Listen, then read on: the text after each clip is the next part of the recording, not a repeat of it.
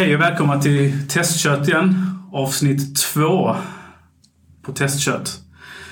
Ehm, det är återigen jag, Fredrik Amén och Daniel Karlsson som är här. Ehm, vi är väl de som kommer fortsätta hålla i det förhoppningsvis.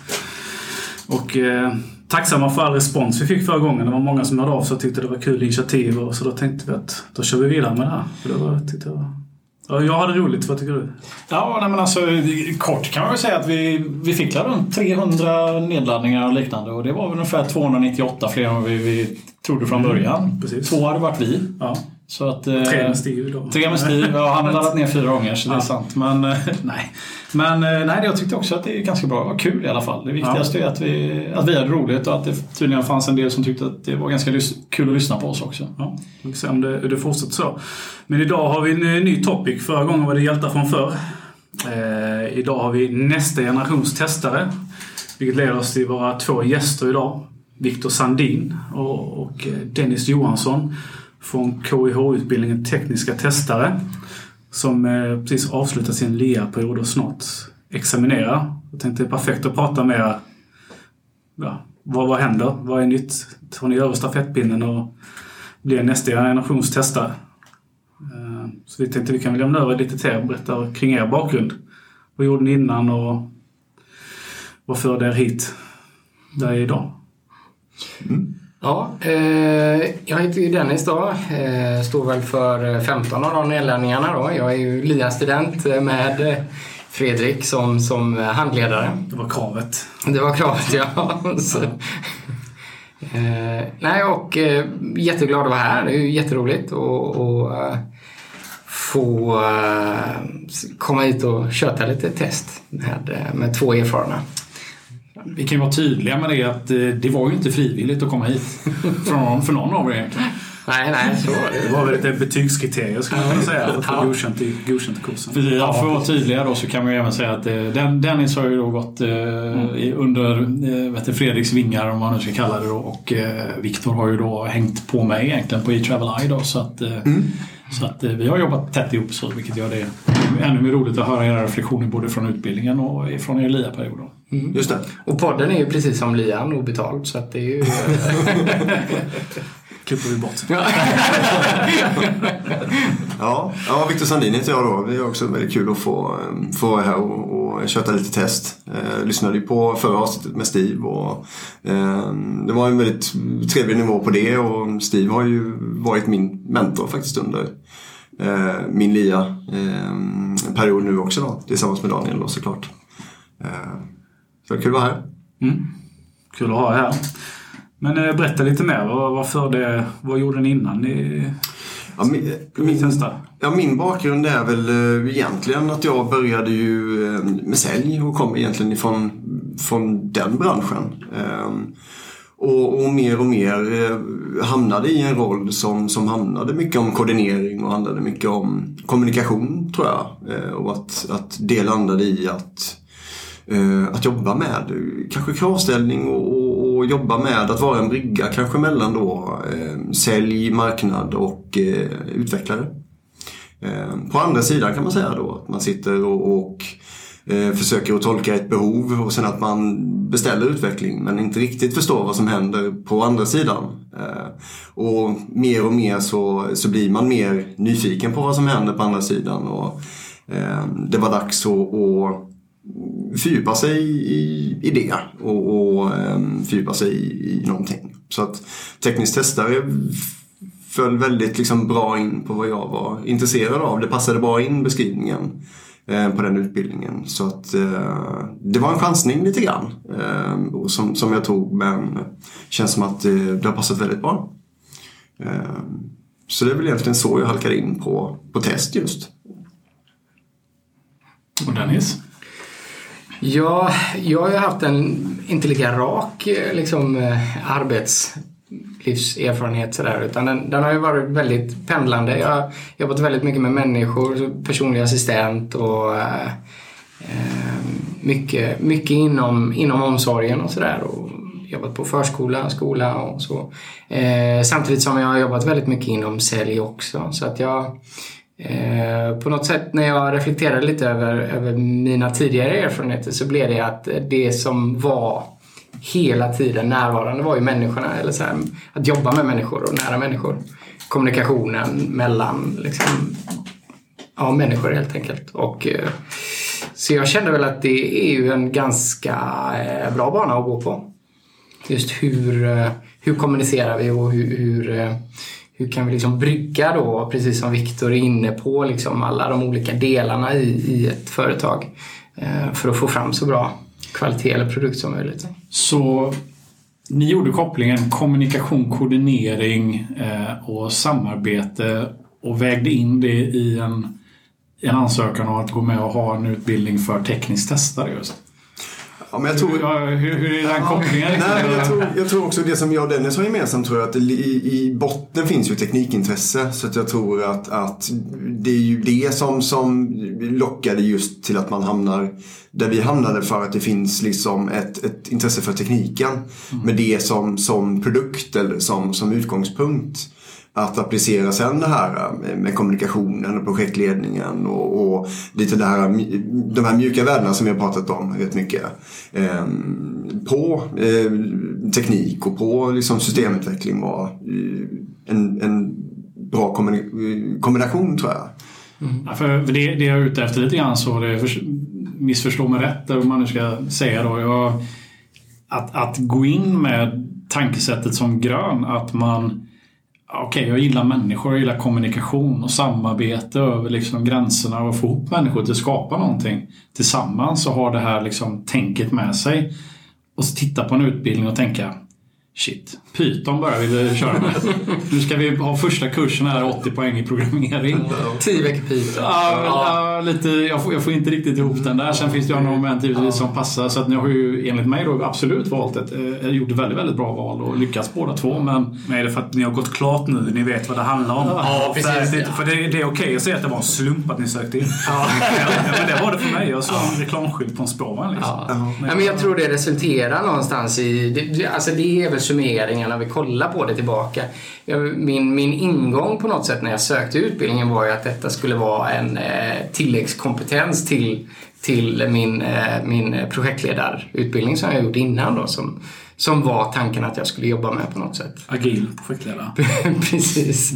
Det är ett helt avsnitt om just, ja. Men, eh, nej, men så, och, och, det tänkte jag väl jag att jag ville också liksom ha mer kunskap om den tekniska biten också liksom, för att kunna brygga det mycket mer. Eh, men sen så blev det att jag halkade över på andra sidan istället och ville brygga åt andra hållet. Då. Så, att, så att, eh, absolut, det, det är väl en summering man gör nu när man väl har, har gått utbildningen kanske med risk för att gå händelserna lite grann i förväg. Men jag har en sån här härlig anekdot kring eh, liksom känns som 40 år sedan när man själv eh, som studerade då. Nu är det inte riktigt så länge sedan, men det känns så ibland. Ehm, då var det att jag, jag gick också en sån här utbildning då på Borås högskola där det var informatik och annat. Och det ingick programmering och jag insåg ju att nej, men jag är ju rötten på det här. Jag ska inte hålla på och programmera. Ni har ju överlevt det, det gjorde ju inte jag. Jag fick ju välja andra kurser för att liksom få ihop min utbildning till slut. Då. Men då, i och med att jag inte kunde programmera så frågade jag då min, eh, min klassföreståndare som hade hand om själva utbildningen. Då, vad, eh, ja, jag gillar inte att programmera, det verkar skittråkigt. Liksom. Vad ska jag jobba med inom IT annars? Eh, ja, nej, du kan jobba med sälja och liknande sa de just då. Sälja typ produkter eller något sånt där. Och, och då frågade jag, men det här med som testare då? Liksom vad, inte det är någonting som kan, där man inte behöver programmera hela tiden utan faktiskt man, man kan testa mjukvara och sådär.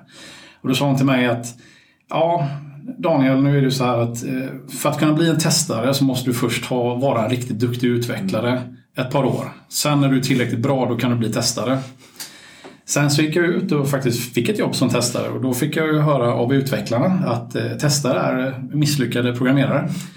så hur skulle ni säga så här, även fast det går händelserna lite, lite i förväg. Vad är er upplevelse när ni kom ut? För... Ja, vi, vi har ju blivit förberedda på att det skulle vara så här och jag tror att det är nog en generationsgrej det här. För att under vår utbildning och, och lärare och, och, folk som vi har träffat på i branschen nu. Det har ju varit SAS har vi varit på ett par gånger. Vi har ändå fått möjligheten att, att, att träffa många testare och sådär. Eh, alla berättar ju egentligen det här att, att det har varit en sån jätteresa eh, i 20 års tid eh, vad det kan handla om just att, att, att få, få in test och liksom jobba och, och få liksom en, en berättigad plats någonstans liksom i, i, i utvecklingsteamet som man har fått idag. Och vi har ju inte riktigt sett det eller varit med om den kampen på samma sätt. Så att under lian som jag varit ute på nu så tycker inte jag att vi är ju inte riktigt med om den här kampen på samma sätt. Ehm, den har ni på något sätt liksom redan eh, varit med om och, och, och tagit för oss. Jag vet inte vad du känner men eh, det känns som att vi ehm, lite efter, efterkrigstid lite. Vi kommer in när allting har lugnat sig ja. lite och, och, så här, och folk har liksom fått sina platser i alla fall. Och, och det handlar mer om att söka sig till den kanske rollen. Det har blivit mer splittrat nu. Liksom, att det finns roller och det finns ett berättigande i alla fall liksom, för testaren och, och en testarroll. Eh, sen så finns det väl fortfarande mycket att jobba med, med vad, man, vad man eftersöker för kvaliteter såklart i testrollen. Men, eh... Man ser testning som en, en service för teamet för mm. att eh, underlätta för utvecklarna att producera bättre saker helt enkelt. Mm. Eller, mm. mm. mm. Vad, ni, vad ni vet nu ja. Ja. ja men det, ni har ju haft LEA och det har ju du och jag varit och vi har ju just där i alla fall. Men det, det kommer ni bli varse om sen att det, det finns sådana strider fortfarande att ta. Mm. Speciellt nu med automationen också skulle jag vilja säga. Just att ja, men, behöver inga tester längre, vi kan automatisera allt. Och mm. Den diskussionen dyker man på fortfarande rätt ofta. Mm. Ja, den har faktiskt börjat bubbla upp mer och ja, mer när du säger det. Det går i cirklar tycker jag nu. Det är, nu, okay, ja, men nu, nu är det utvecklingen ska testa allt och det, det funkar säkert på vissa ställen. Absolut. Mm. Men det är igen att ja, vi ska automatisera allt, vi ska inte behöva testa manuellt. Och de diskussionerna tycker jag kommer fram igen. Men det handlar väl om att man hela tiden vill försöka sälja in saker och ting. Liksom, och sen så ska man... Så att det blir ju hela tiden ett, ett köpslående kring alla de här sakerna känns det som. Du, du har ju alltid nästa buzzword. Du har alltid någonting som är på tapeten som är någon typ av specialistkompetens som alla efterfrågar. Och de som efterfrågar det mest är oftast de som vet minst om det. Och så är det väl ofta tyvärr. Eh, frågar du någon som är, skulle jag vilja säga, riktigt duktig inom test eh, generellt sett så skulle de inte säga att automation per se i sig självt ger ett särskilt högt, högt värde. Men att förstå vad du ska testa vart och även då kunna exekvera den typen av automation som testar rätt saker på rätt nivå är oerhört värdefullt. Men att kunna Java för att kunna trycka ut saker i Selenium utan att veta vad det är man egentligen testar är ju helt meningslöst. Mm. Det, men det oftast förstår inte de här personerna som efterfrågar utan de, de har hört att automation är jättebra, sparar massa tid. Men sen så vet man inte riktigt vad man ska göra med verktyget. Och det är tyvärr som du säger Fredrik att det där går i omgångar hela tiden känns det som. Men nu har vi spårat lite grann så jag tänker vi, vi har ju liksom en liten agenda för att ha ja. ett röd tråd så vi kommer hit igen. Det, det var jag som, som spårade den här gången. Men backa tillbaka till er egentligen och eh, eran, eh, era studietid egentligen. Det, det är väl där vi, vi lämnar ja, Lite grann, vad var era förväntningar? När ni började? Alltså, ni, du snackade lite om det här innan, men vad var... Ja, det här ska bli när jag blir klar. Liksom. Vad, vad, vad är test? Liksom? När upptäckte ni det? Ja. I underutbildning kan vi börja.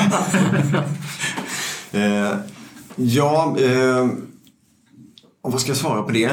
Jag tror, jag tror att, att mina förväntningar var ju till en början med då att, att eh, jag skulle få en, den här tekniska grunden eh, för att kunna liksom eh, kombinera min bakgrund eh, med, eh, med liksom den här tekniska systemförståelsen då, och börja liksom med en termin med programmering för att sedan då övergå i, i att prata om testmetodik och, och ehm, eh, de här bitarna så, så tror jag att den första delen på utbildningen så, eh, så preppade vi egentligen för eh, för den senare delen, vi, vi pratade om det lite tidigare, ehm, just det här att, att det var svårt att ta på det till en början och jag tror att mycket följer på plats senare. Desto längre in i utbildningen vi kom egentligen när man kunde liksom eh, addera själva metodiken på på, eh, på själva uppgiften på något sätt.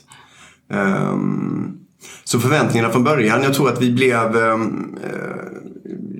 vad ska man säga? Att vi blev... Ja, men man, man blir ju kastad åt flera olika håll. Ja. Där. För jag menar, i början av programmeringskursen så var det ju lite, vi började toucha lite på TDD.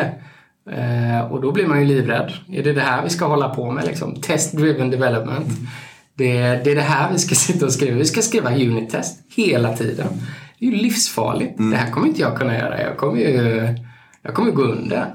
Så att, eh, och, och sen så gå vidare liksom till, till det här att man, att man såg andra delar inom, inom eh, eh, Python som, som var intressanta och man började liksom, vi hade en väldigt bra föreläsare som var inne och liksom kunde guida oss lite och, och stoppa upp oss när vi, när vi liksom när vi gick för långt händelserna i förväg. Så här, Nej, men jag slutar, jag går härifrån. Det här det kommer aldrig gå. Så sa han, men vänta, sitt lugnt i båten. Och, Men om vi backar lite nu, för nu är ni inne på utbildningen. Mm. Vad var förväntningarna innan? Vad trodde ni att ni skulle bli när ni var klara med utbildningen? ja. Alltså hade ni den bilden färdig?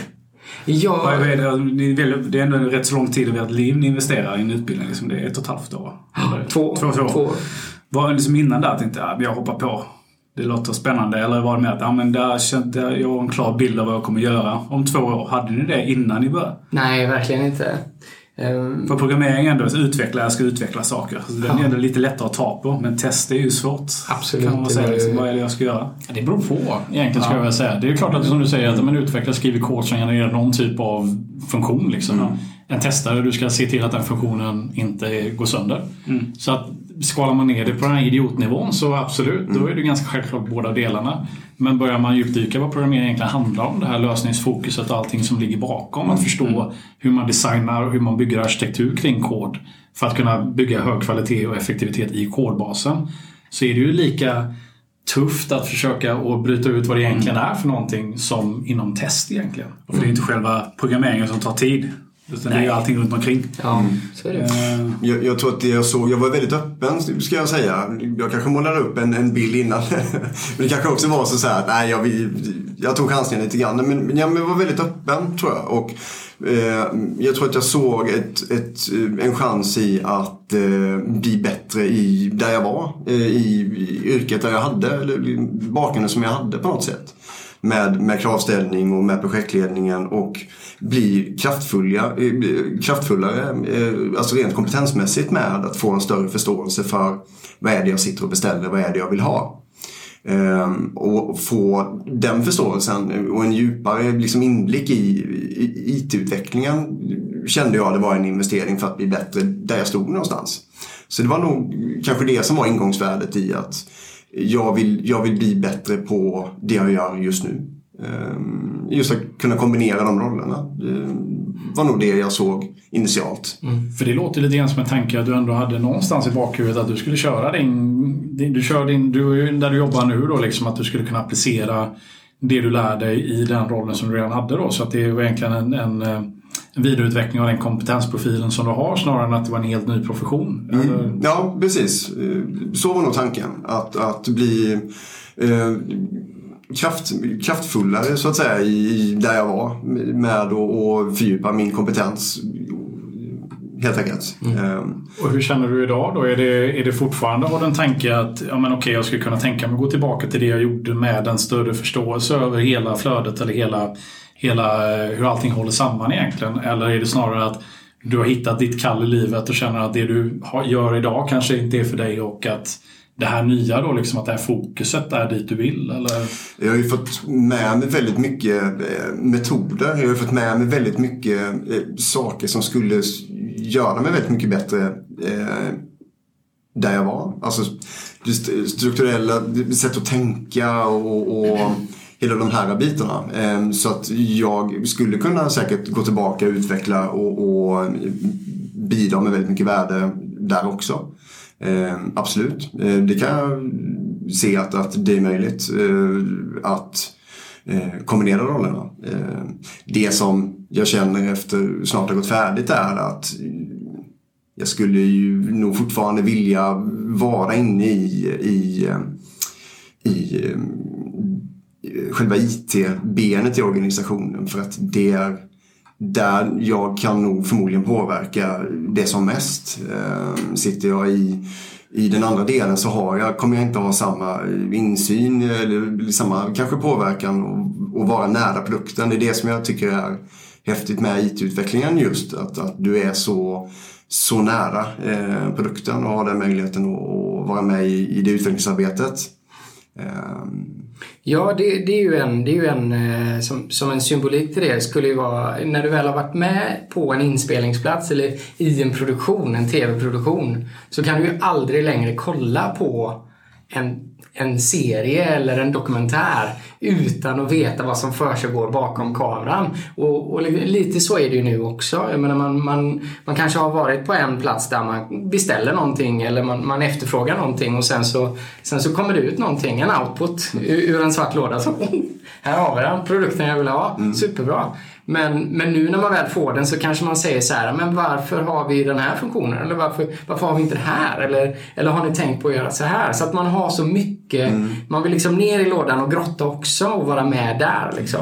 Ja, precis, men använda som exempel så är det att även om du har varit på en produktionssajt för en tv-serie exempelvis så kan du klättra runt och rikta ljus och sminka eh, artister och annat. Liksom. Men, och du vet hur det där går till, allt, mm. allt runt omkring det där. Men många väljer att gå tillbaka och sätta sig framför TVn och liksom njuta av upplevelsen snarare än att vara där och bygga mm. upplevelsen. Men jag tror att det finns en, en nyfikenhet ja. hos mig i alla fall. Att du vill ju vara där och rikta strålkastaren. Det är ju, det, det är ju där magin sker någonstans och det är det som är häftigt att, att lyfta på, ja. på huven. Ja. Och titta där under och vara lite där det händer. Eh, och ta ett steg tillbaka och, och få tillbaka produkten och färdig och, och fin. Det är ju inte lika spännande på något sätt. Nej. Ehm, så att det kliv tillbaka, nej det tror jag inte utan nog snarare att, att vilja vara i steget innan eh, och vara med under tidigt i processen. Som, som det var, vad ska man säga, förväntningarna gick in i det här liksom och lite början av det var när, när föll poletten ner? När, när liksom, har den gjort det än? Har den ens gjort det än? Alltså, var, när, när kände ni liksom att oh shit, jag, det, det, här var inte vad jag trodde att det var? Eller förstår du vad jag menar? Var, Ja, men det var väl en insikt som kom hela tiden. Eller så här, eh, jag vet fortfarande inte vart det ska leda helt och hållet, tror jag. Eh, utan man omvärderar det hela tiden. Det gör man och man trattar ner det på slutet. Det som jag var inne på, på i början här, det här just med att det var tvära kast. Först programmering och sen var det ju eh, arbets, eh, metoder och arbetssätt. Metoder och arbetssätt inom testning. Och då, det var lite svårt att kombinera det där. Men allt eftersom vi, vi byggde på. Vi pratade säkerhet, vi pratade prestanda, vi hade ju databaskurser och så vidare. Och, eh, allt eftersom så började ju ändå liksom tratta ner det till att okay, men hur kan jag kombinera det här? Eh, så. Mm. Så vad var, vad ska ni säga, vad var det lättaste för er? Vad var det som ni liksom, för ni, alla är olika utvis i, i klassen och så här, men just ni två Eh, om ni skulle säga, vad var enklast för er att liksom greppa i det här? Liksom, eh, jag tänker, det var ju, utbildningen var ju både liksom metodik, processer, eh, tankemönster och det var ju även hands-on, att programmera. Liksom. Det var ju allt mellan himmel och jord som kan inrymmas och kanske många gånger inryms inom testprofessionen. Mm. Vad ska ni säga enskilt, liksom, vad, vad var det som var enkelt att förstå och greppa? Mm. Jag skulle nästan vilja omformulera det till vad fick jag mest utväxling av, av mm. kursen? Alltså vilken kurs gav mig mest eh, ut från den? Liksom. Så, och då, då tror jag någonstans att automatiseringen, den sista kursen som vi hade, för där, blev det, där, där hade alla de här alla byggstenarna lagts redan så att då var det bara att skjuta därifrån och liksom så här applicera allting vi hade lärt oss. Så jag fick nog mest output av, av sista kursen som automatisering. Mm. Kan det varit då för att den var just sist? Om ja. det hade varit en annan som var sist så kanske det hade gett samma. Men det var då du kände att det här är vad jag ska hålla på med? Ja, precis. Det, var ju, det, det sitter ju en ledningsgrupp någonstans där bakom som vet vad de har gjort när de har planerat. Jag har ingen aning vad du pratar om. nej, men Det tror jag är styrkan också för att lyfta någonstans utbildningar vi har gått. Att, att det finns en ledningsgrupp där bakom som faktiskt är nära i näringslivet. Alltså de jobbar i näringslivet och de vet vad som efterfrågas. Och, och, och vi elever får ju frågan ibland, vad tycker ni om, liksom, vad, vad tycker ni om utbildningen? Hur, hur ligger, ska någon kurs ändras mm. och sådär? Och det är ju förnämt att säga, ja det tycker ja. jag, vi borde flytta på den. När det finns människor som faktiskt jobbar i näringslivet, som har varit, alltså, som har jobbat som testare, quality lead och, och, och väldigt många olika positioner som, som har suttit och tänkt och knoppat ihop den. Liksom. Mm. Som, som en liten side-note så kan man ju ändå nämna det att anledningen varför vi säger att jag vet inte riktigt vad ni pratar om är ju lite internskämt för att både jag och Fredrik sitter ju med i ledningsgruppen på KH här i Göteborg. Då. Och, även, och även tagit fram den. Tagit fram den, hela upplägget mm. och sånt där. Så att vi, vi sitter och flinar lite åt varandra här och så här, men det, det ser ju inte ni som lyssnar. Så att Nej, det, är, det är därför vi kanske inte är helt ärliga. Nej, det är en, viss, en, det är en viss bias här liksom. Det kan mycket väl vara så. Men eh, får ta det för det. Jag hoppas att ni är ärliga givetvis. Men, ja. Jo, men det, det, tycker jag vi är. Och, och, och jag tycker att... Eh... Ja, ni är ju redan klara nu så det är ingen anledning. Nej, nej precis. Nej, automatiseringen syr ju ihop allting väldigt bra eftersom att man kan eh, plocka eh, såklart mycket från, från alla kurser vi haft eh, tidigare och praktisera det på, på ett sätt så att, så att det blir väldigt kraftfullt eh, att sy ihop säcken med det. Men, men eh, annars så, så, för min del har det ju nog det varit just teknikbiten och få jobba mycket med ehm, med eh, programmeringskurs och jobba med, med säkerhetskurs, prestanda. Det, det är mycket som är nytt för mig. Eh, så, så en hög, vad ska man säga, en hög tröskel. Eh, men när saker lossnar så är det ju en otrolig utdelning i det. Eh, så att Eh, ja, nyfikenhet är eh, viktigt när man ger sig in på sånt här för det gäller ju inte att ge upp för lätt för det, det är ju många saker som, som man får tampas med två, tre gånger innan det fastnar. Men, eh. en lite riktad fråga till dig då Viktor, mest för att jag är ja, men nyfiken. Då. Eh, jag, jag höll ju utbildning kring, kring säkerhetstestning och lite sånt där grundläggande. Grundläggande utbildning skulle jag säga inget jätteavancerat. Men ett, moment, ett av momenten var just eh, hotmodellering och mycket av det där syftar ju till att modellera och visualisera ditt tankemönster och sen så ska det kunna vara applicerbart både på eh, kvalitetsanalys eh, men även då säkerhetsaspekter och allt möjligt. Hur, har du känt att du fått med dig det tänket även i andra moment och annat då på exempelvis din LIA eller så just det här tänket runt omkring? Ja, det tror jag absolut och, och den är väldigt det är ett kraftigt eh, redskap tycker jag. Och vi har sysslat mycket med eh, mindmap i övrigt, eller nedbrytning eh, i andra kurser också. Eh, och jag tycker att det är ett jättebra sätt eh, att för sin egen del, för sin egen skull men även för andra att kunna visualisera saker och ting och bryta ner det på, det sättet. Det finns ju andra redskap än, mindmap och sånt också. Men men det är applicerbart på allt om man vill. Ehm. Om jag skulle bara också spinna vidare lite grann på det. Ja, det finns ju lite olika vart man har fokuset inom test och kvalitet egentligen. Eh, jag har ju väldigt mycket senaste åren har ju gått ifrån ett sätt att tänka reaktiv kvalitetshantering, det vill säga då eh, hands-on exploratory testing, automation och den typen av test. Då. Eh, till att egentligen mer jobba proaktivt med modellarisering, med analys, med strategier och annat då, för att, och coachning liksom. Så att man gör rätt redan innan man kommer till att faktiskt testa. Båda sakerna behövs ju och är absolut lika viktiga liksom, i olika moment. Eh, men det är också två helt skilda tankesätt egentligen vart du lägger din effort. Mm. Eh, hur, hur jobbar ni där? Alltså, har det varit mer av det ena än det andra? Hur har ni upplevt det? Var, vart har ni känt att ni kanske lagt mest kraft på era eh, lior nu till exempel? Ja, men, ja, för att komma tillbaka till det så tror jag att, att det har jag försökt att ta tillvara på. Det har jag ju fått också i, i eh, coachningen jag har fått på, på där jag har varit eh, att eh, fånga upp eh, tidigt i processen, att vara med eh, tidigt i processen. Ni pratar ju om shift left eh, som satte sig väldigt tidigt hos mig där det handlar om att bryta ner kraven. Försöka fånga upp vad är det vi inte, vad är det vi vet, vad är det vi inte vet. Eh, och ta vara på den delen. Ehm, och tycker att man hittar, jag har hittat en bra plats som testare i, i den rollen. Att, ehm, att försöka hålla ihop det lite grann mellan eh, ehm, produktägare, stakeholders och utvecklare och, och, och jobba kanske då med en, en breakdown med och, och, och, ehm, och spesa ner. Vad vet vi än så länge? Var står vi än så länge? Ehm, så, så det tycker jag har varit eh, ett bra sätt för mig att, att hitta liksom min roll som testare. Och det tror jag att vi, då handlar man ju mycket i, i, ehm, i det läget där man kommunicerar med varandra, man pratar med varandra och man har de här man är bryggan lite grann emellan eh, olika eh, roller och, funktioner på ett företag. Eh, så där tror jag att jag har hittat eh, min roll kanske som, som testare eller där jag tycker att det, är- det är kul att lägga fokus. Så det, det låter ju mer shift left då, eller mer eh, vara med tidigt egentligen. Mm. Det är mer åt det hållet. Mm.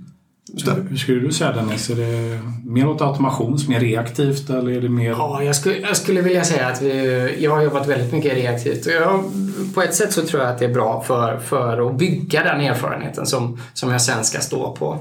För det är så mycket lättare att grunda eh, ett, eh, en, liksom, en hypotes eller någonting i en erfarenhet och säga att eh, Eh, jag ser att detta kommer leda till här eller och, och jag, jag har gjort detta innan och, och så här gick det då. Och så där. så att jag, tror, jag, jag ser fram emot att försöka bygga den erfarenheten på något sätt ur det reaktiva. Samtidigt som jag försöker att leta upp folk som är proaktiva. Som faktiskt jobbar med att och bryta ner det tidigt och, och bryta ner precis som ni säger med. Och, och även då kunna ta lärdomar av som eh, eh, om det är ett projekt som, som utmynnar i någonting så vill man ju ta lärdomar av det. Vad gjorde vi bra? Vad kan vi göra nästa gång? Så att jag, jag tror att det kommer försöka att liksom bolla de två eh, processerna samtidigt kanske.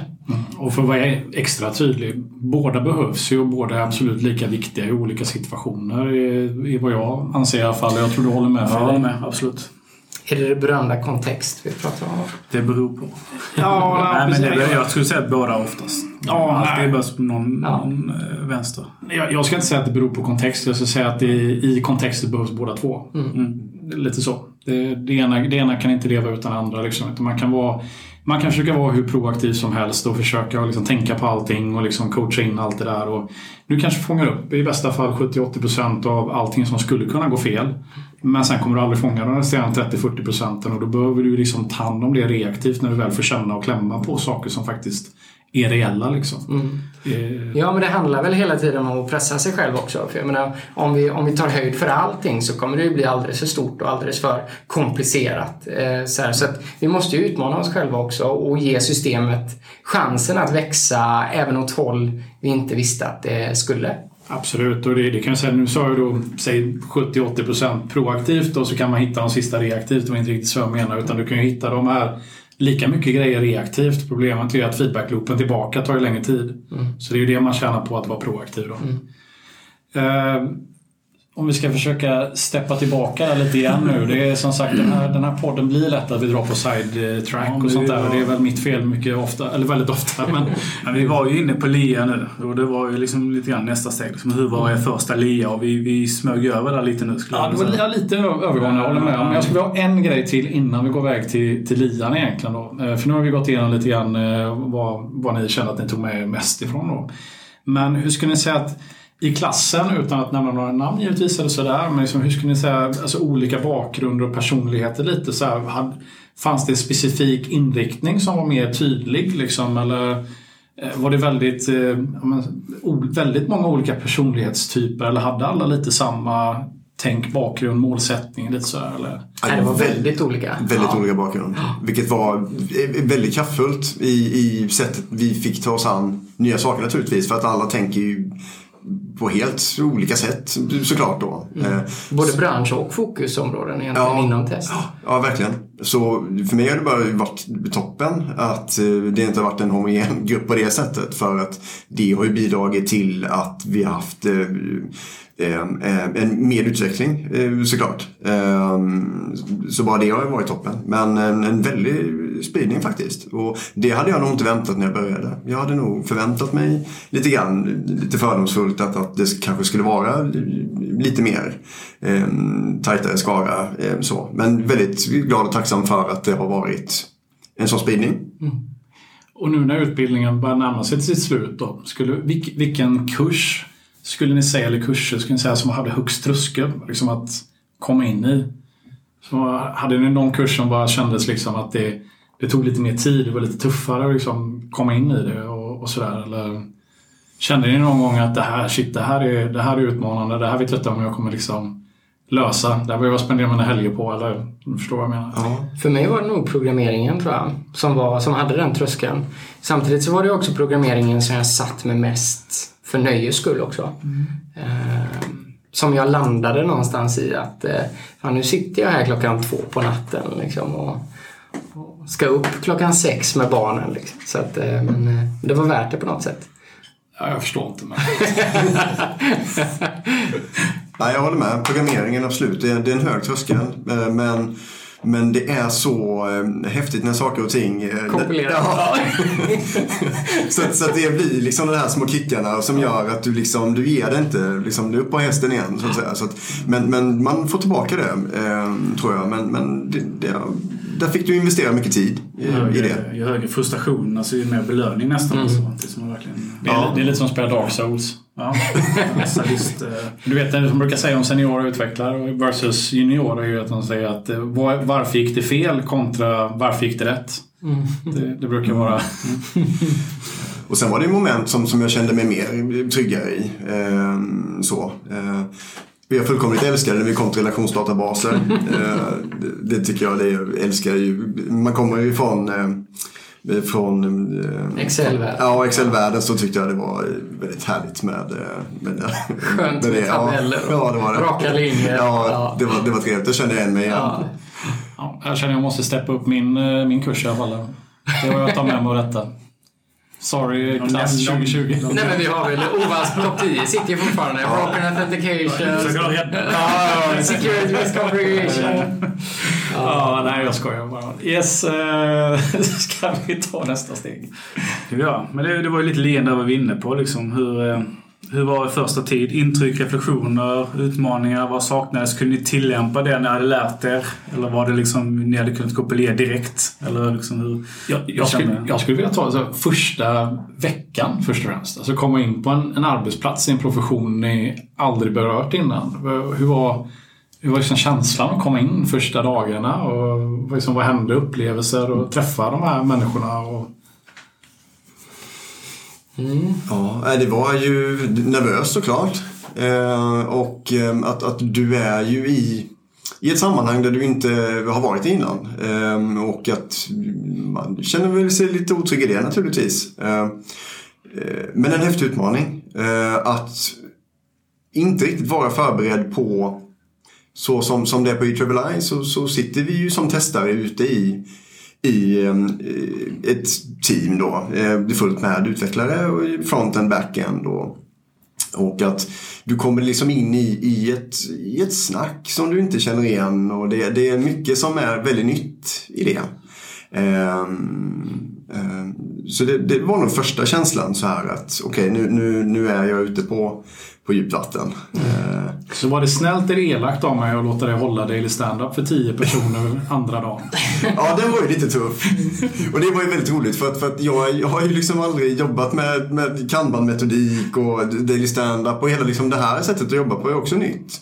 Ehm, så, så det var ju verkligen skjuta ifrån eh, eh, från höften. Ehm, men också kul och jag tror att det är det det handlar om. Att man får, man får Eh, Eh, det är ju en chans tror jag som du får en gång att, att eh, ta på dig liksom en liten keps på något sätt. Men jag är praktikant, jag är här för att lära mig och om man inte tar vara på det så, så, så förlorar man ju på det. Så att det är en möjlighet att göra bort sig, en möjlighet att, att mm, få ja, men, bara pröva sig fram lite grann. Eh, så om man känner sig bekväm med det så då får man ju ta alla chanser man får.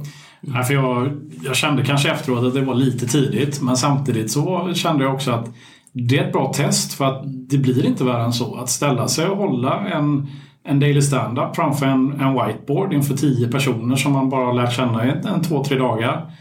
Eh, löser man det på ett eh, hyfsat bekvämt sätt. Så det blir inte mycket värre än så egentligen när det kommer till att bygga relationer inom ett team, ska jag säga. Men eh, fick du använda dig av dina kunskaper då, kände du? Eller var du helt nollställd på grund av stress? Nej, nej, men, nej, men det tror jag inte. Utan vi har ju till viss del så är ju det ett del i, i utbildningen också där vi pratar om eh, testprocess och vi pratar ju, lite om, om de här bitarna också. Ehm, så att, visst, man kunde man, man har ju sett det innan vid några tillfällen och kunde väl ändå greppa vad det är vi gör såklart. Ehm, men jag tror att den största eh, utmaningen under första delen på praktiken tror jag handlade mycket om att förstå det storskaliga i hur man eh, bygger och, och deployar eh, mjukvara.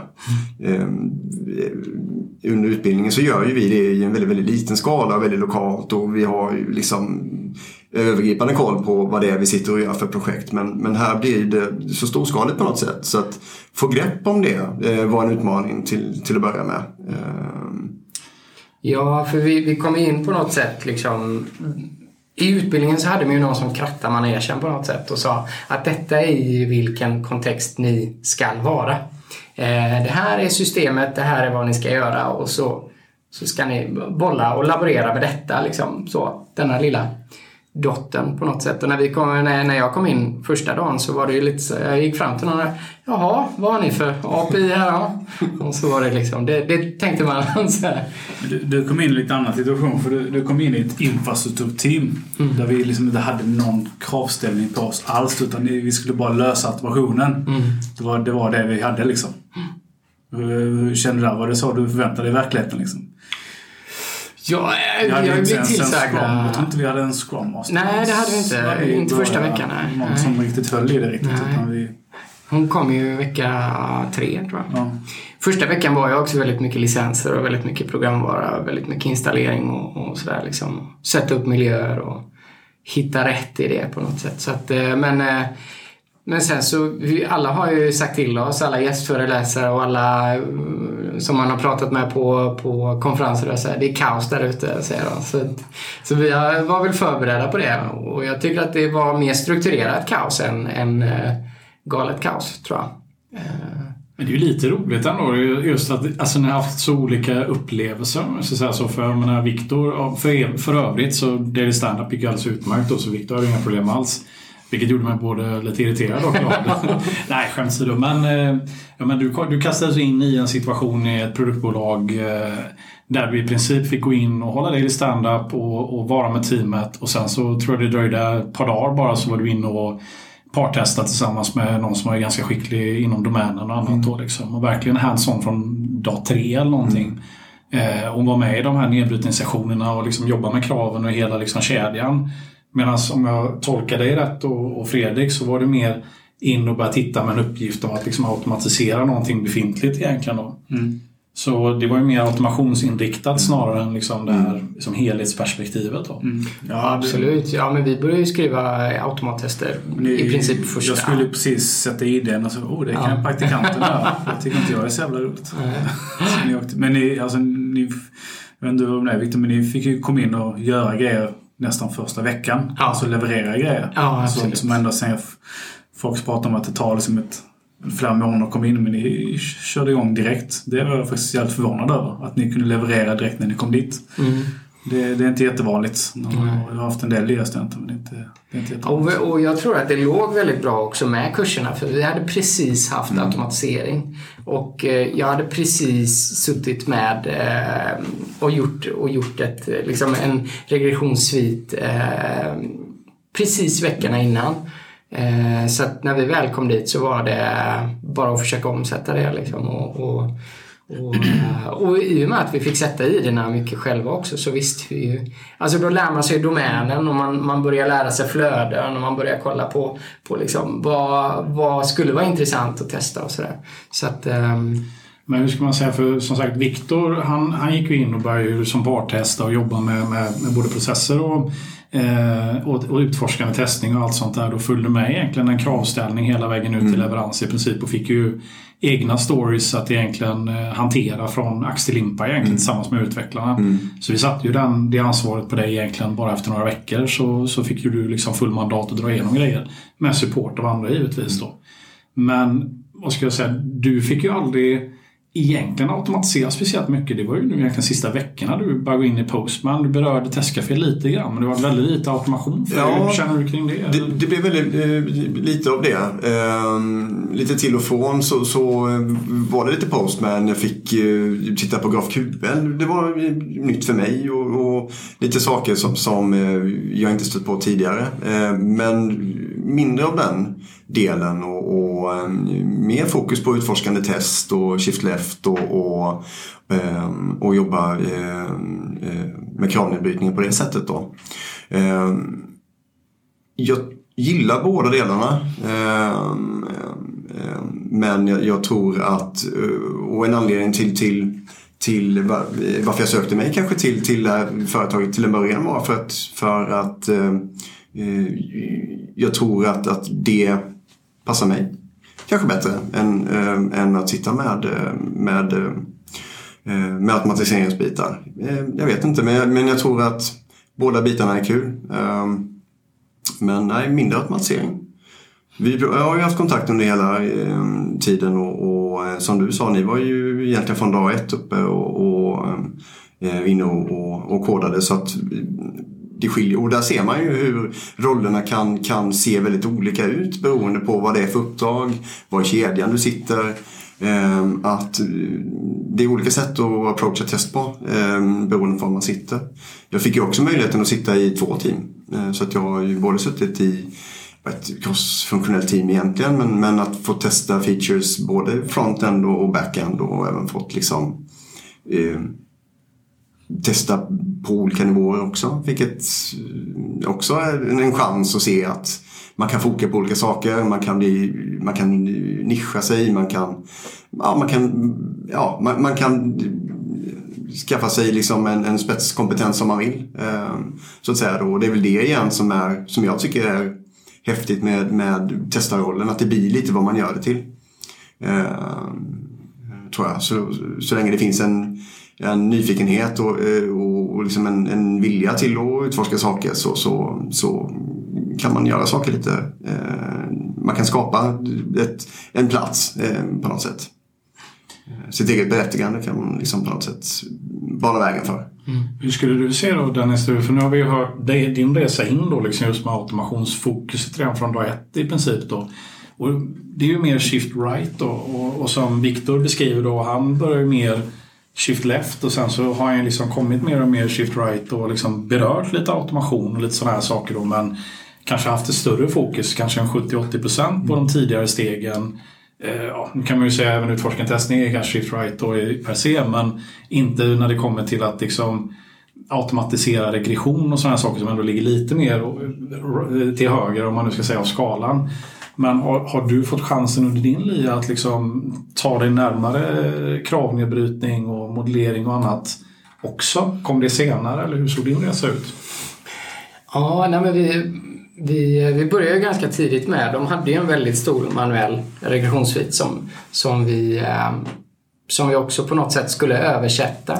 Och, och där försökte vi sätta upp en eh, process för, för hur vi skulle plocka in de manuella regressionstesterna och, och eh, försöka analysera dem. Vad, vad ger de för värde? Är det värt att och, och faktiskt automatisera dem eller är de, är de bra som de är?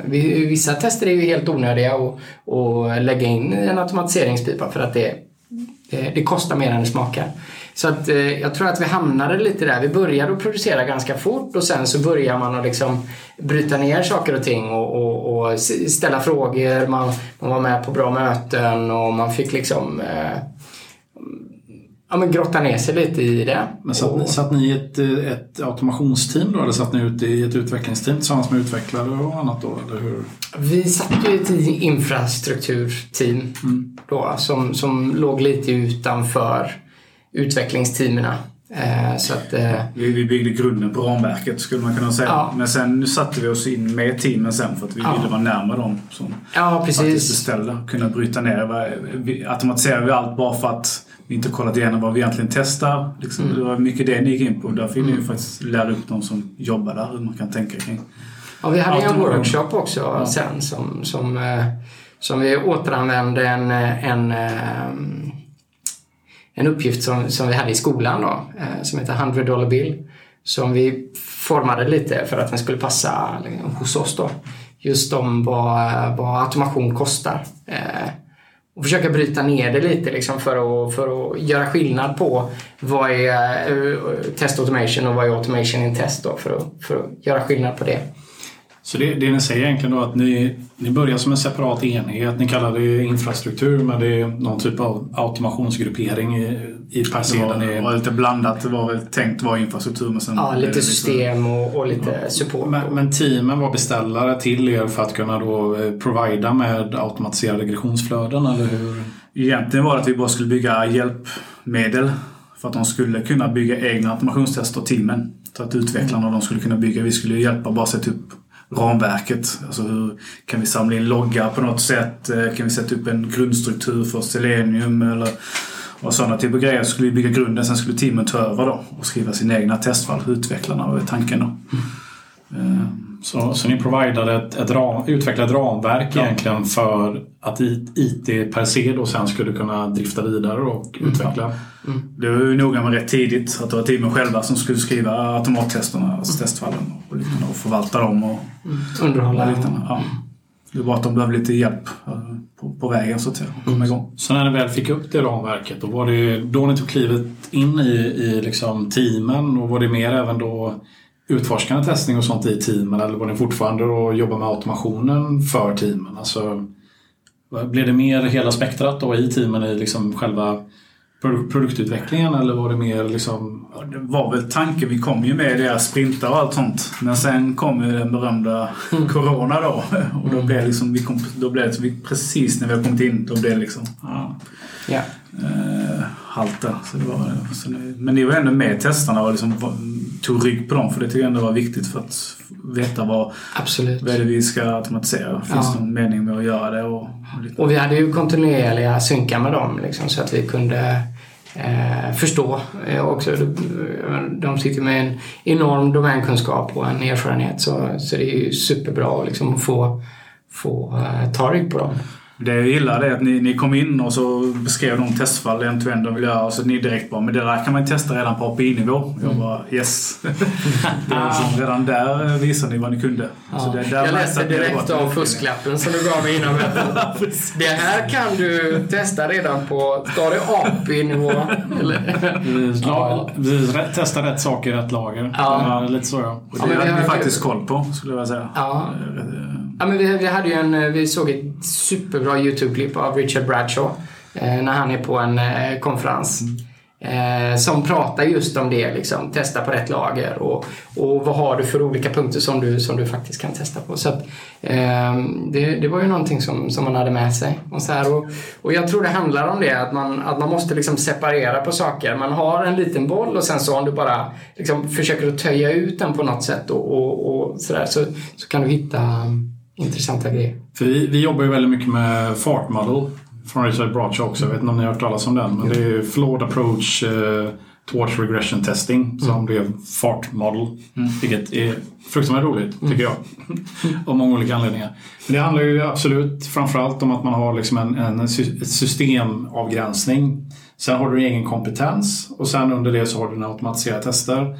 Men dina automatiserade tester kommer aldrig komma ikapp kompetensen som du har, liksom domänkunskapen som du tillförskaffat dig över tid. Men systemet växer ju hela tiden. Så du kommer, din kompetens kommer, kring domänen kommer aldrig kunna växa ikapp systemet. Vilket gör att automattesterna aldrig kommer kunna växa ikapp din, din kunskap. Därför så finns det ingen anledning att försöka automatisera allt för du kommer aldrig kunna det. Nej. det är, utan just att kunna plocka ut rätt saker att automatisera. Mm. Men jag tycker det är jätteintressant. För det, det, jag visste faktiskt inte de här grejerna innan. Men jag tycker det här är jätte, jätteintressant. För ni har verkligen helt två skilda approacher på testning. Det ena är inte rätt eller fel så, på något sätt. Utan det är mest, om jag tolkar det rätt så är det ju någonstans att Viktors erfarenhet har i mångt och mycket varit att vara med väldigt tidigt, vara med på hela resan. Jobba hands-on, jobba med coachning, jobba med, med liksom att identifiera olika testscenarion eh, eller Eh, områden att kunna då strategiskt gå in på och undersöka och delge den informationen till eh, intressenter. Medan det, det låter i alla fall som att snarare teamet har ju då gjort sitt arbete, man har haft x antal flöden, ni har plockat ut russinen ur kakan eller vad man nu ska säga och liksom eh, automatiserat det som är lämpligt att göra på rätt nivå. Om jag har tolkat det rätt så, så undrar jag bara, hade de andra testare i teamet som jobbade med då utforskande och var med liksom vid nedbrytning och annat? Eller var det ni också? Var ni med på hela resan? Var det liksom att ni tog det i slutet och plockade ut det som behövde automatiseras? Eller hur? Vi fick ju inte riktigt... Det var ju tanken att ni skulle vara med och ta rygg på de andra. För det fanns ju en testare i varje team då som, Mm. som gjorde den biten som var med på, på allting. Men de kunde inte automatisera då? Eller vad? nej, Ah, okej. de hade inte den kunskapen. Eh, Och jag har ju den åsikten att ska du automatisera så ska du kunna programmera. Alltså annars då är det utvecklaren som ska göra det. Liksom. Eh, Men de var ju med och försökte ta fram lite scenarier. Men det, de hade mycket annat att göra. eh, Som var, Men sen var ju tanken att ni skulle komma in i teamet och vara med från liksom allting från planering och de körde ju safe där. Eh, eh, och, eh, och- men ja, det var ju på gång där. Så jag, ville Ja. att ni skulle, jag ville att ni skulle se den biten också. Men det blev tyvärr som det blev nu i slutet. Ja, men jag, så, och, eh, du, du säger tyvärr, men jag... Ja, eller du kanske syftar på Corona och det är ju tyvärr såklart. Men, men, men jag är ju oerhört nöjd över, över den approachen som vi har haft under lian och, och där har ju jag varit väldigt drivande i att jag vill stanna kvar i det på något sätt för att jag, jag har fått med mig så himla mycket och jag tror även om jag inte har varit med i nedbrytningen så har man ju hela tiden kunnat bolla med både testarna, utvecklarna, produktägarna och, och alla som är inblandade någonstans i utvecklingsfasen. Eh, så har man liksom hela tiden kunnat bolla det för att man har för att skapa bra automattester så måste vi också ha ett, ett visst helikopterperspektiv. Och, och då har man ju en anledning till att ställa frågor till väldigt många olika delar av organisationen. Så att vi har ju liksom, jag har hållit kvar lite i det eh, också eh, under lyan för, för att jag gillar eh, den friheten i kommunikationen som det har givit mig på något sätt. Och jag måste ju fråga Fredrik nu ändå som du sa det så tycker jag ju, jag måste ju bara höra. Om du måste välja, är det bättre att en, någon som kan test försöker skriva dåliga automattester rent eh, kodmässigt eller är det bättre att du är duktig programmerare och skriver tester? Fast du inte kan någonting om test? Man kan ju kombinera. Nej, men du kan inte kombinera. Du har bara de valen. Det är det som är grejen. Han är lite varm här. Ja, det var... Ja. Båda blev dåligt. Ja, vad, vad blir sämst? Försök inte slingra Nej, dig. nej, det är, det är nog faktiskt inte avgöra. Jag har sett båda.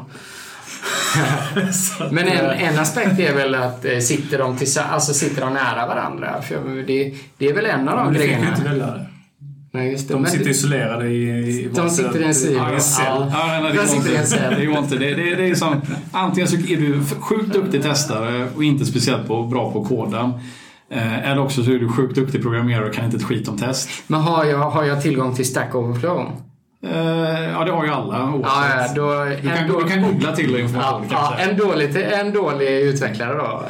En bra testare. Men jag satt ju lite med det här nu avslutningsvis och, och gjorde ju någonting som jag var väldigt stolt över. Kolla, det funkar och det, det ser väldigt fint och häftigt ut. Men då landar vi ändå i, okej men snyggt. Men, men eh, tillför något värde? Vad är det det testar egentligen? Så här, att, och, och de har lagt ner mycket tid och, och, och, och tankeverksamhet, Stack Overflow och få ihop någonting som, som jag tycker ja, men, det är bra för att vara liksom på min nivå då och, och lite till med lite tur. Men, men det landar ju ändå i att ja, men som test är det ju inte så kraftfullt. Det är avancerad kod kanske och, och den, den testar mycket men, men jag vet inte riktigt vad, vad den fyller för syfte egentligen. Så det landade ju ändå i då att ah, det, vi tar inte med det liksom sådär då. Så att, ja, Det kan vara en bra lärdom också. Alltså, ibland när man skriver ett automattest kan det vara ett sätt att hitta buggar i process eller utvecklingen också. Ja. Alltså att, var- varför skriver vi det här ens? Varför ändrar vi inte på det innan? Just det. det kan också vara ett uppvakande att skriva ett automattest. Det kan det vara. Det var krångligt och det var en lång väg att ta sig dit och det kanske var en anledning till varför det var krångligt och att det var en lång väg att, att, att vandra och ta sig dit. För att komma till den insikten då att ja, men det här blir ju ändå inte bra för att det är alldeles för, för krångligt helt enkelt och, och fel väg att gå. Så min, min approach är vanliga för att liksom, vad ska man säga, är lite elak att ställa den frågan. Det, mitt egna, min egna sätt att se på det är väl någonstans, för mig är det mycket viktigare att du kan testen, att du kan programmera när du skriver automatiserade tester. Det är ganska självklart svar från mitt håll och den enkla anledningen från mitt perspektiv är att ja, du kan skriva riktigt dåliga tester men om de ändå rullar och du testar rätt saker så testar du ändå rätt saker. Nackdelen blir ju alltså att maintenance blir sämre. Du kommer få mer flakiness som gör att de går sönder och till slut kommer du komma till den här punkten att är det ens värt att maintaina? Är det inte bättre att vi bara testar det här manuellt? Vilket är dåligt givetvis. Men om du skriver världens bästa tester som går igenom och du testar ingenting vettigt så har du liksom någonstans av en, en falsk trygghet i att någonting rullar på men du, det, det tillför ingenting. Så du har producerat något som är jättesnyggt men det gör ingenting. Och det tycker jag nästan är sämre än att du producerar någonting dåligt som är shaky men du faktiskt testar bra grejer. Så det, det är min approach kring, kring automation. Mm. Men givetvis, kan, har man möjlighet så är det bäst att liksom kombinera de två bitarna. Och gärna i samma person. Mm. Men eh, ja. Mm. Jag förstår vad du vill komma. ja, men det är lite en sån här fråga. Jag kommer inte kunna svara rätt på den här ändå. Nej, men, nej, men det är, jag tycker det är olika. Alltså, jag brukar ofta ha som utgångspunkt att utvecklarna ska automatisera så mycket som möjligt. Mm. Men det, det är ju liksom en utopi ibland. Alltså, ibland finns inte intresset där. Uh, ibland finns inte intresse för att testarna vill att det ska finnas automation och då finns det inget driv. Så ibland blir det att då får man... Jag vet inte. Det är så jävla olika var man är någonstans. Alltså, senaste åren ska jag säga att det är sällan jag någonsin har träffat, ska jag säga de senaste i alla fall 5 till 7, 8 åren något sånt där, en utvecklare som tycker att jo, men det här med att skriva tester är ju helt meningslöst när vi, om man då pratar enhet komponentnivå. Utan det är snarare när man kommer upp på integration, flödestest och liknande som det kan vara lite motstånd till det där. Liksom att ja, men det är någonting som testarna gör, eller kan man väl testa manuellt eller något sånt där. Så för mig har det blivit mer liksom att de här vad man säga, flödesautomation eller end-to-end-tester och liknande via gränssnitt eller via API-lagret har ju kommit lite mer och mer senare att det läggs på, på, på testan. Då. Och det är någonting Mm. som man har gjort mer alltså manuell regression kring innan. Då. Så att på något sätt så tycker jag det är lite märklig trend kring det där för att, att automatisera sitt tråkiga arbete är ju någonting som då drivs av testarna själva tänker jag. Och sen så har det någonstans blivit att jo men då kan vi ersätta massa testare med, med massa automatiska flöden. Och det gör du ju inte. För jag menar, om du manuellt då går igenom ett, ett flöde så kommer du inte följa flödet om du inte är riktigt dålig testare. Utan då går du ju utanför de här boundariesarna som scenariot beskriver. Mm. Och det är ju där du hittar grejerna. Du hittar ju inte saker i liksom basflöden, du hittar ju saker runt omkring. Kan det vara att det är som traditionell översättning där? Att vi testarna som har, det är de som har testat end-to-end. Eh, Och det är de som ska automatisera då. Medan utvecklarna har alltid liksom gjort sina enhetstester och ibland integration också. Och det är de okej med. Eh, Jag hade en väldigt senior kille då på eTravel som sa det. Jag frågade honom hur många basflöden skulle vi behöva end-to-end som egentligen täcker över all vår basfunktionalitet som är liksom businesskritiskt. Och han sa någonstans max mellan 20-25. Och då tänker jag liksom mitt stilla sinne, ja men okej, då utvecklar vi 25 stycken basflöden och ser till att vi maintainar dem. Då behöver vi ingen jobba med automation längre. På end-to-end eller flödesnivå. Sen, sen ska man inte underskatta eh, hur mycket saker man hittar när man faktiskt skriver automattester. En-to-end också när man liksom testar igenom flödena om och om igen. Så det blir ju en typ av manuellt test medan man framställer automattestet. Och där kan man hitta hur mycket som helst också. Men då blir det att den utforskande tester föder eh, idéer för vad som kan automatiseras. Ja, och samtidigt hittar du grejer. Eh, samtidigt som du skriver testet, för du sitter liksom och testar. Ja. Du försöker testa om och om igen och försöker hitta nya vägar att gå.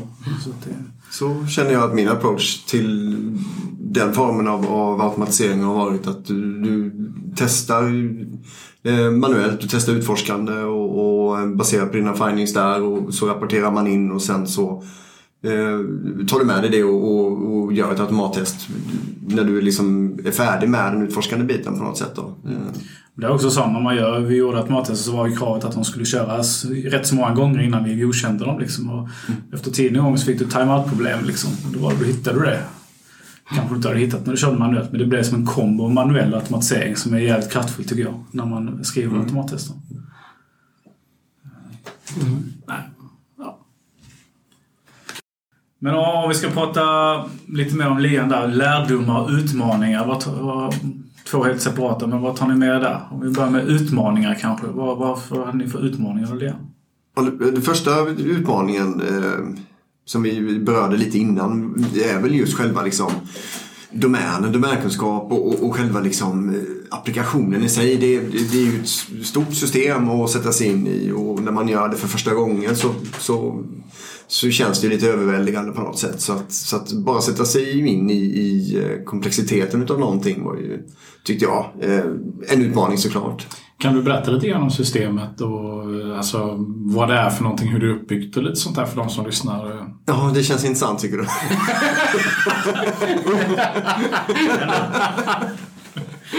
Då ska vi se här. Har vi whiteboard någonstans?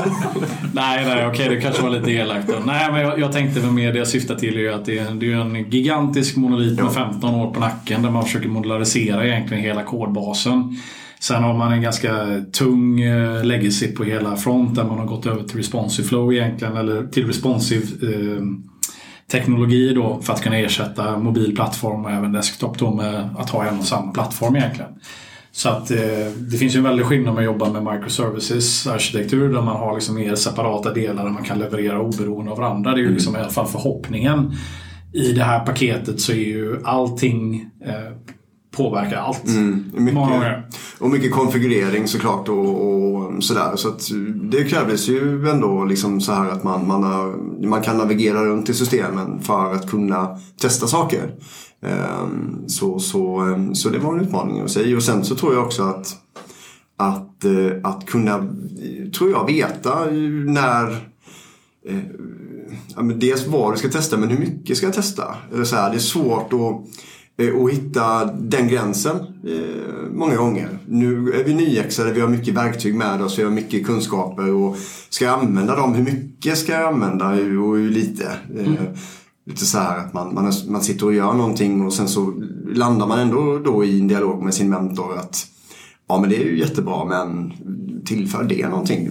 Det ser jättefint ut men vad, vad gör det egentligen? Sådär. Så att, att veta när, eh, när man testar klart har man väl aldrig gjort men ni förstår lite vad jag är ute efter. Så hur, hur mycket eh, hur prioriterar man? Vad är, vad är värdefullt? Eh, var vad är värdefullt att och, och testa på något sätt? Och det, det känns ju som att det behöver man ju känna in lite och jag tror att det landar mycket i erfarenhet. Att veta hur stort gör jag det här eller hur litet gör jag det här. Är det läge att göra en breakdown och en mindmap? Eller nej, det kanske det inte är. Utan det här kanske vi kan testa igenom rätt fort eller, eller hur man ska uttrycka det då. Så att när, när, när blir det whiteboard och, och mindmap? Eller när kan jag liksom eh, testa och ha en annan approach helt enkelt. Det tycker jag är en utmaning. Känner du att det, du fick ju i alla fall fördelen i Teddys så till slut att du började i, i ett, ett stort team som jobbade egentligen med eh, som fick information och eh, använde sig av den för att egentligen propagera det som någon typ av produkt. Sen så bytte du till en tidigare av kedjan som egentligen plockade in informationen från externa system och egentligen gav den datan till det teamet som du jobbar med först. Eh, gjorde det att du fick ett, ett bredare spektra på hela liksom, Eh, domändelen? Hjälpte det dig i det? Ja, definitivt. Det satt ju saker och ting i ett perspektiv. Ehm, så det var ju väldigt tacksamt. Eh, och eh, det häftiga var ju att jag började ju senare i, i kedjan då. Vilket gjorde att när jag bytte team och, och kom till början utav kedjan så var det en lättare övergång på något sätt. Det kändes som att, eh, jaha, det här ifrån allting eh, kommer ifrån på något sätt. Eh, men ja, det gav ju mig en, en större överblick över hela applikationen, över hela systemet och det var ju värdefullt. För att jag fick ju en bredare förståelse för hur, hur, vilka beroenden som fanns då. Även det lilla, lilla jag liksom har fått, eh, fått testa och fått se då såklart av det här jättestora systemet då. Men, men jo, såklart. Så, så domänkunskapen och förståelse hur systemet eh, fungerar var din största eh, utmaning? Är det, Ja. Förstått det rätt? Ja, men det skulle jag säga. Absolut. Ehm, och förstå eh, hur saker och ting hängde ihop, hur de påverkade varandra och hur jag kunde eh, test, liksom designa mina tester helt enkelt. Ja. Dennis? Ja, nej, men det ligger ju väldigt mycket i, i det här med domänen och, eh, och liksom hur, hur det är uppbyggt, hur systemet är uppbyggt. Och det är precis som Viktor säger, man vill ju någonstans spänna musklerna så fort, så fort man liksom ser någonting man kan hoppa på så vill man gärna vara där och liksom skjuta mot det och säga men fan vi skulle kunna göra så här eller så. Eh, så att då, den balansgången där är ju jätteviktig. Man vill ju liksom skapa så mycket värde som möjligt. Så. Eh, och då kanske det inte handlar om att, om att liksom, eh, bygga ett sandslott med en grävskopa utan det, det funkar med spade och, och, och sådär också. Så att, och veta, veta när man ska använda hammaren och när man ska använda sågen ja. kanske. Det så. Vi har ju skojat ett par gånger också om, om just att hitta den här gränsen i att, att få saker och ting att gå sönder och, och, och sen komma till utvecklaren och säga att kolla, jag fick det att krascha när jag gjorde så här mm. och få svaret tillbaka, ja men gör inte så då. så, så det är ju också väldigt svårt. Man kan göra saker för att man kan men, men igen då, vad, vad är det för värde i, i det då? Mm. Eh, så det är ju att hitta den balansen i, i... Ja, precis. Och våga, alltså, även, om, även om det handlar om, om den här balansen att man kanske inte ska skjuta på för mycket med muskler och så här, men fortfarande våga göra det ändå lite ibland. För att men det, det, kan ju vara så att någon är väldigt trygg på sin plats och alltid har ett bra svar. Mm. De kanske alltid har en, ja men den, det fungerar så eller den funktionen funkar så för att det ska i ett senare skede. Men att fortsätta lite där liksom och ligga på och, och ytterligare fråga, men varför? Måste det vara så? Eller Ja, så att, det finns ehm, många, många definitioner av sanning. Ja, ja och, och en övertygande sanning är ju ofta den som hörs tydligast. Liksom. Så är det ju ofta. Eh, men det kanske inte behöver vara den som är den riktiga sanningen. Då. Jag har en sån här bullshit-button som jag trycker på ibland när mm. det är liksom folk som börjar slita sig med grejer som ja men det funkar ju på min maskin så mm. That's bullshit, säger jag Det är, det är, lite, det är en bra grej. Ja. Eh, vid sidan av det, skulle, en intressant fråga som jag tänker mig. Ni, ni har ju båda någon typ av bakgrund kring, eh, kring sälj eller liksom koordination eller liknande. Jobbar väldigt nära människor och jag, ni är ju väldigt jag vad ska jag säga, ni är ganska extroverta som individer och ganska liksom, eh, kommunikativa och sådär. Är det någonting som ni känner ni har har det varit en fördel för er att komma in i det här liksom, alltså att, att kunna ta människor, liksom people skills, någonting som ni har haft nytta av? Absolut. Det skulle jag säga är ett det är väl någonstans det, det, det jag har kunnat säga till mig själv att eh, fan, det är ändå någonting som jag kan. Eller så här, någonting jag kan ta på. Att, att eh, jag kan prata med människor. Då. Så att jag har väl kunnat luta mig lite mot det. Eh, och, och, sen så har det väl gjort mycket att Toyota har varit en väldigt bra plats att komma till där alla har varit väldigt upp, eh, liksom uppriktiga och, inkluderande och man har kommit in i teamen väldigt snabbt och, och sådär. Så att... Nu säger du faktiskt vettiga saker för det är skillnad att prata och prata. Mm. Eh, så att, eh, det ska du ta med. Ja, det finns väldigt många människor som är oerhört duktiga på att prata om ingenting väldigt länge. Ja.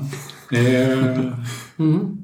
Ibland undrar jag om jag är en av dem, men jag hoppas inte det. Ibland ser du vettiga grejer. Jag har filtrerat. Jag, jag jobbar på att bara se övertygande ut. Ja, det kan man komma långt med. Nej, men är man, är man extrovert så, så tenderar man nog ofta att, att ligga på den gränsen kanske och liksom tänja den lite. Men, eh, ja.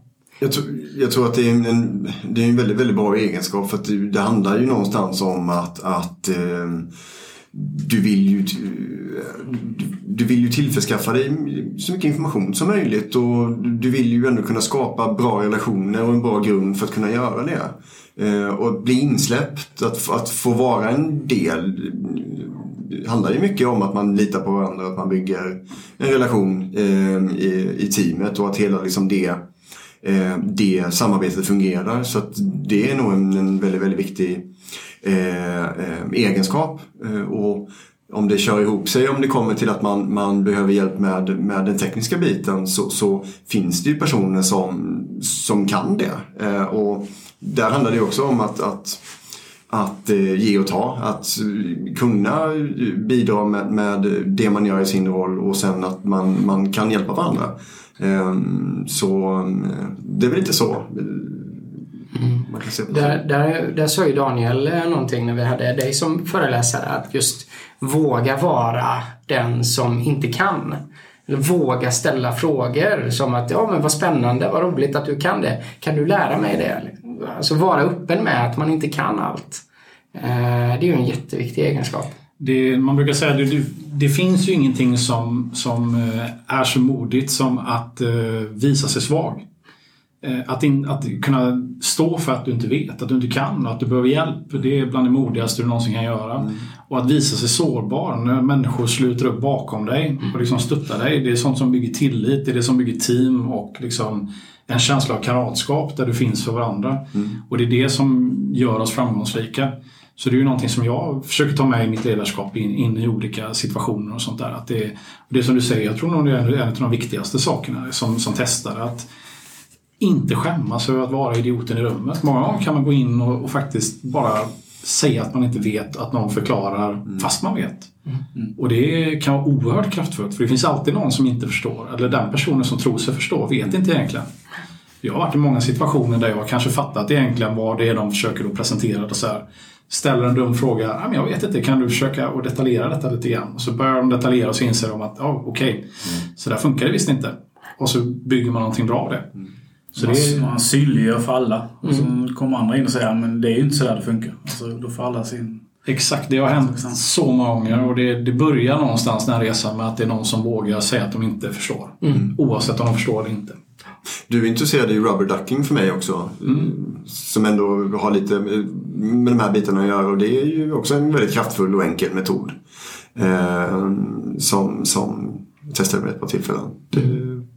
Det är ju ett, ett sätt att angripa saker och om inte alla känner till rubber ducking så är det i princip att du har en gummianka framför dig som du förklarar hur du har tänkt att du ska testa någonting eller utveckla någonting. Eh, och eh, då kan ju testen vara den ankan egentligen som du förklarar hur du har tänkt att lösa ett problem eller en annan testare som du samarbetar med. Eller sådär. Bonuspoäng är ju att, eh, att prata med ankan högt. Ja, det är det. Du säger. Mm. Ja, det är det förutsatt. Utan att berätta att du pratar med ankan. ja, kanon. Men då måste jag ändå spinna vidare på det här eftersom ni är sociala personer som du antar föds av interaktion med andra människor. Hur har ni upplevt det här med, med coronabitarna, just att jobba eh, på distans? Det är ju väldigt mycket ropet nu eh, att många forceras in i ett, eh, en möjlighet för människor, eller egentligen ett tvång för människor att jobba på distans. Och många älskar det, många tycker att det är det värsta som har hänt. Mm. Uh, hur, hur er, era upplevelser på pros and cons och lite hur, hur har, det, hur har det funkat för er? Sådär, jag mår inte jättebra av det. Jag, jag gillar att vara på kontoret och jag gillar att möta människor. Och jag tror att jag också är bättre på att ta för mig och, och synas mer eh, i, i, i det läget än att, att eh, att eh, sitta på distans och, och, och videokonferenser och så vidare. Så att, och speciellt i det här läget när, när du är när man är ny i rollen så, så är det ännu viktigare att, att få vara tillsammans för att det är mycket snack runt omkring som försvinner. Sen så ser, ja, men ser man ju andra fördelar i att mm, vi har eh, man blir ju, det är många som berättar att man blir ju tydlig. Alltså det blir ju liksom en bättre kommunikation när man väl ska skriva till varandra. Man kanske blir tydligare i, i vad man beskriver sina features. Och man, det, det finns liksom en, en kommunikation som som har blivit eh, mindre slarvig eller kanske mer genomtänkt. Eh, och det är ju positivt. Men, eh, men jag tror ändå att man, eh, jag saknar ändå det här mötet eh, väldigt mycket. Mm. Ja, det håller jag med om. Jag, jag saknar också mötet jättemycket och, och jag tror att Även om båda delarna behövs. Eh, det är superbra. En, en positiv eh, sak som vi tar med oss kommer vara det att vi, vi har lärt oss att eh, förlita oss lite mer på det skrivna språket. Att man kan pinga någon lite fortare. Vi behöver inte hela den här Hej, hoppas allt är bra. Jag har haft en bra dag idag och detta har jag gjort. Utan du kan gå ganska fort in på, på liksom det du behöver hjälp med, problemställningen och sådär. Och, eh, men sen så tror jag också att eh, en, en lärdom som jag har tagit med mig är just den här att när jag inte har lika mycket att göra, eller så om jag har en uppgift framför mig och jag sitter och den är lite för lätt, så då hade jag haft möjlighet att ta en fråga från, från grannen eller gå och ta en kaffe. Och liksom ha ett utbyte där och kanske liksom ta en ny uppgift eller en uppgift parallellt eller någonting sådär. Så att min, min potential tror jag inte liksom maxas på ett sätt. Tror jag. Vi blir mer strukturerade men vi missar ju mycket runt omkring. Ja. Eh, kanske kunskapsdelningen emellan varandra. Mm. Att jag hör ju mindre av vad min kollega gör och och jag hör ju mindre av vad som händer i, i organisationen i övrigt vid, kaffeautomaten och så vidare. Så att det finns ju mycket saker som, eh, som eh, man blir avskärmad ifrån som hade varit värdefullt att fått höra vid något tillfälle tidigare. Så att det, snacket saknar man ju Mm. verkligen. Ja, för jag är lite rädd för det just att vi... Det, det, du, du tappar ju kommunikation egentligen för varje steg du tar när du distanserar dig på något sätt. Alltså, Du har ju, har ju det personliga mötet när du liksom sitter ansikte mot ansikte som vi, vi gör idag liksom, och, och pratar med varandra. Sen så har du ja, men videodiskussion då. Visst, det är ju en del men det brusar lite, knackar lite och du tappar en del ord och folk fryser i bild och allt vad det nu kan vara för någonting. Framförallt om du är fler än två och helt plötsligt blir det, pratar man i mun på varandra. Och man kan inte följa med. Vem är det som har ordet egentligen? Sen har du ju då Slack direkt eh, liksom kommunikation över text. Liksom. Det är ännu, då blir det ännu sämre. Och, och sen har du mail som är det värsta då. Så du tappar ju väldigt, väldigt mycket där. Och som ni säger också, här svensk fika eller liksom kafferast eh, liksom, snacket då. Så att eh, samtidigt så har vi ju märkt hos oss då på eTravel att vi har ju blivit extremt mycket mer produktiva när det kommer till att faktiskt leverera features. Men däremot så känns det som att man tappar väldigt mycket av det här som kan vara värdefullt i det, i liksom det långsiktiga. Då. Så att, eh, jag, är, det, ska bli väldigt spännande att se när vi kommer ur från det här. Det är många som höjer rösten, i alla fall hos oss, då, som gärna ser att vi, vi fortsätter med någon typ av möjlighet att jobba på distansen, ja, åtminstone deltid. Då. Vilket inte var möjligt innan då, enligt de policyerna vi har på plats. Eh, samtidigt så är det ju just att hitta den här balansen mellan just den mäns- mänskliga integrationen och hur vi jobbar ihop kontra att faktiskt kunna fokusera. För det är andra, andra sidan av myntet är ju just att det kan bli väldigt mycket brus. Och de här personerna som kanske då behöver en liksom, fokus eller kanske till och med är lite mer introverta och, och dräneras av energi och att liksom hela tiden behöva möta människor och sådär blir ju mer framgångsrika kanske att kunna sitta mer fokuserat på, på egen kammare. då. Och sen har vi ju den aspekten nu att under den här perioden där vi har varit isolerade så har vi i princip inte fått in fler personer in i projekten, in i verksamheten, utan vi har mer tappat personer. Men vad händer när vi ska onboarda folk och alla sitter digitalt? Det blir mycket, mycket svårare. Det blir mycket svårare att pinga någon. Om, om jag sitter och jag ska prioritera med, mellan vem jag ska svara först eller vem jag ska hjälpa inom citationstecken så, så tar jag ju förmodligen den som jag känner bäst. Jag tar ju hellre Viktor framför en onboarding som jag, som jag inte vet hur lång tid den kommer ta eller vad jag ska hjälpa personen med tror jag. Sen kanske det är en generationsfråga också. Alltså vi är ju lite där mittemellan det personliga mötet och online. Medan de yngre, det är liksom... De Kanske träffas, ju, träffas ju Ja. inte i verkligheten Nej, överhuvudtaget nej. nästan. Utan de sitter hellre och pratar på datorn. Liksom. För dem blir det mer naturligt. Jag tycker om det personliga mötet. Liksom. Läsa av kroppsspråk är ju det är ju någonting man gör dagligen. Omedvetet och medvetet. Eh, Så att det, ja, jag tror... Jag tror inte helt på distansarbete, men en kombo kanske. Det, Jag tror vi kommer se en, en, en kombo som sen kommer behöva balanseras över tid. För om du tittar på den, läst boken It doesn't have to be crazy at work. eh, Basecamp och dem. Där, de kör ju remote allihopa. Men där har de ju tydligt att du får inte störa folk när du vill. Du har liksom speciella tider där du får prata med folk. Och det, det hade fan inte funkat för mig, ska jag vara helt ärlig. För att man, det är så som man jobbar och testar. Man vill kunna vara lite överallt och gå omkring lite. Eh, Så jag vet inte. Ja, vi behöver ju förändra i alla fall strukturen på hur vi jobbar digitalt. Alltså hur, hur vi sätter upp möten, vad vi har för möteslokaler och sånt där. Så att det finns gemensamma utrymmen där, även där då. Så att man kan gå in och... och så att... Eh, Vi körde ju lite att vi en dag, du och Robin då, den andra LEA-studenten, att vi, vi hade liksom en, en chatt igång, eller en voice-chatt igång hela tiden då. Så man satt liksom hela tiden och kunde börja prata. Det var inte så, för det blev ändå ett steg att starta upp Ja. ett samtal. Men alltså, vi hade att vi pratade hela tiden. Och det var ju allt mellan himmel och jord. Det var inte bara jobb liksom, utan vi pratade lite om allt möjligt.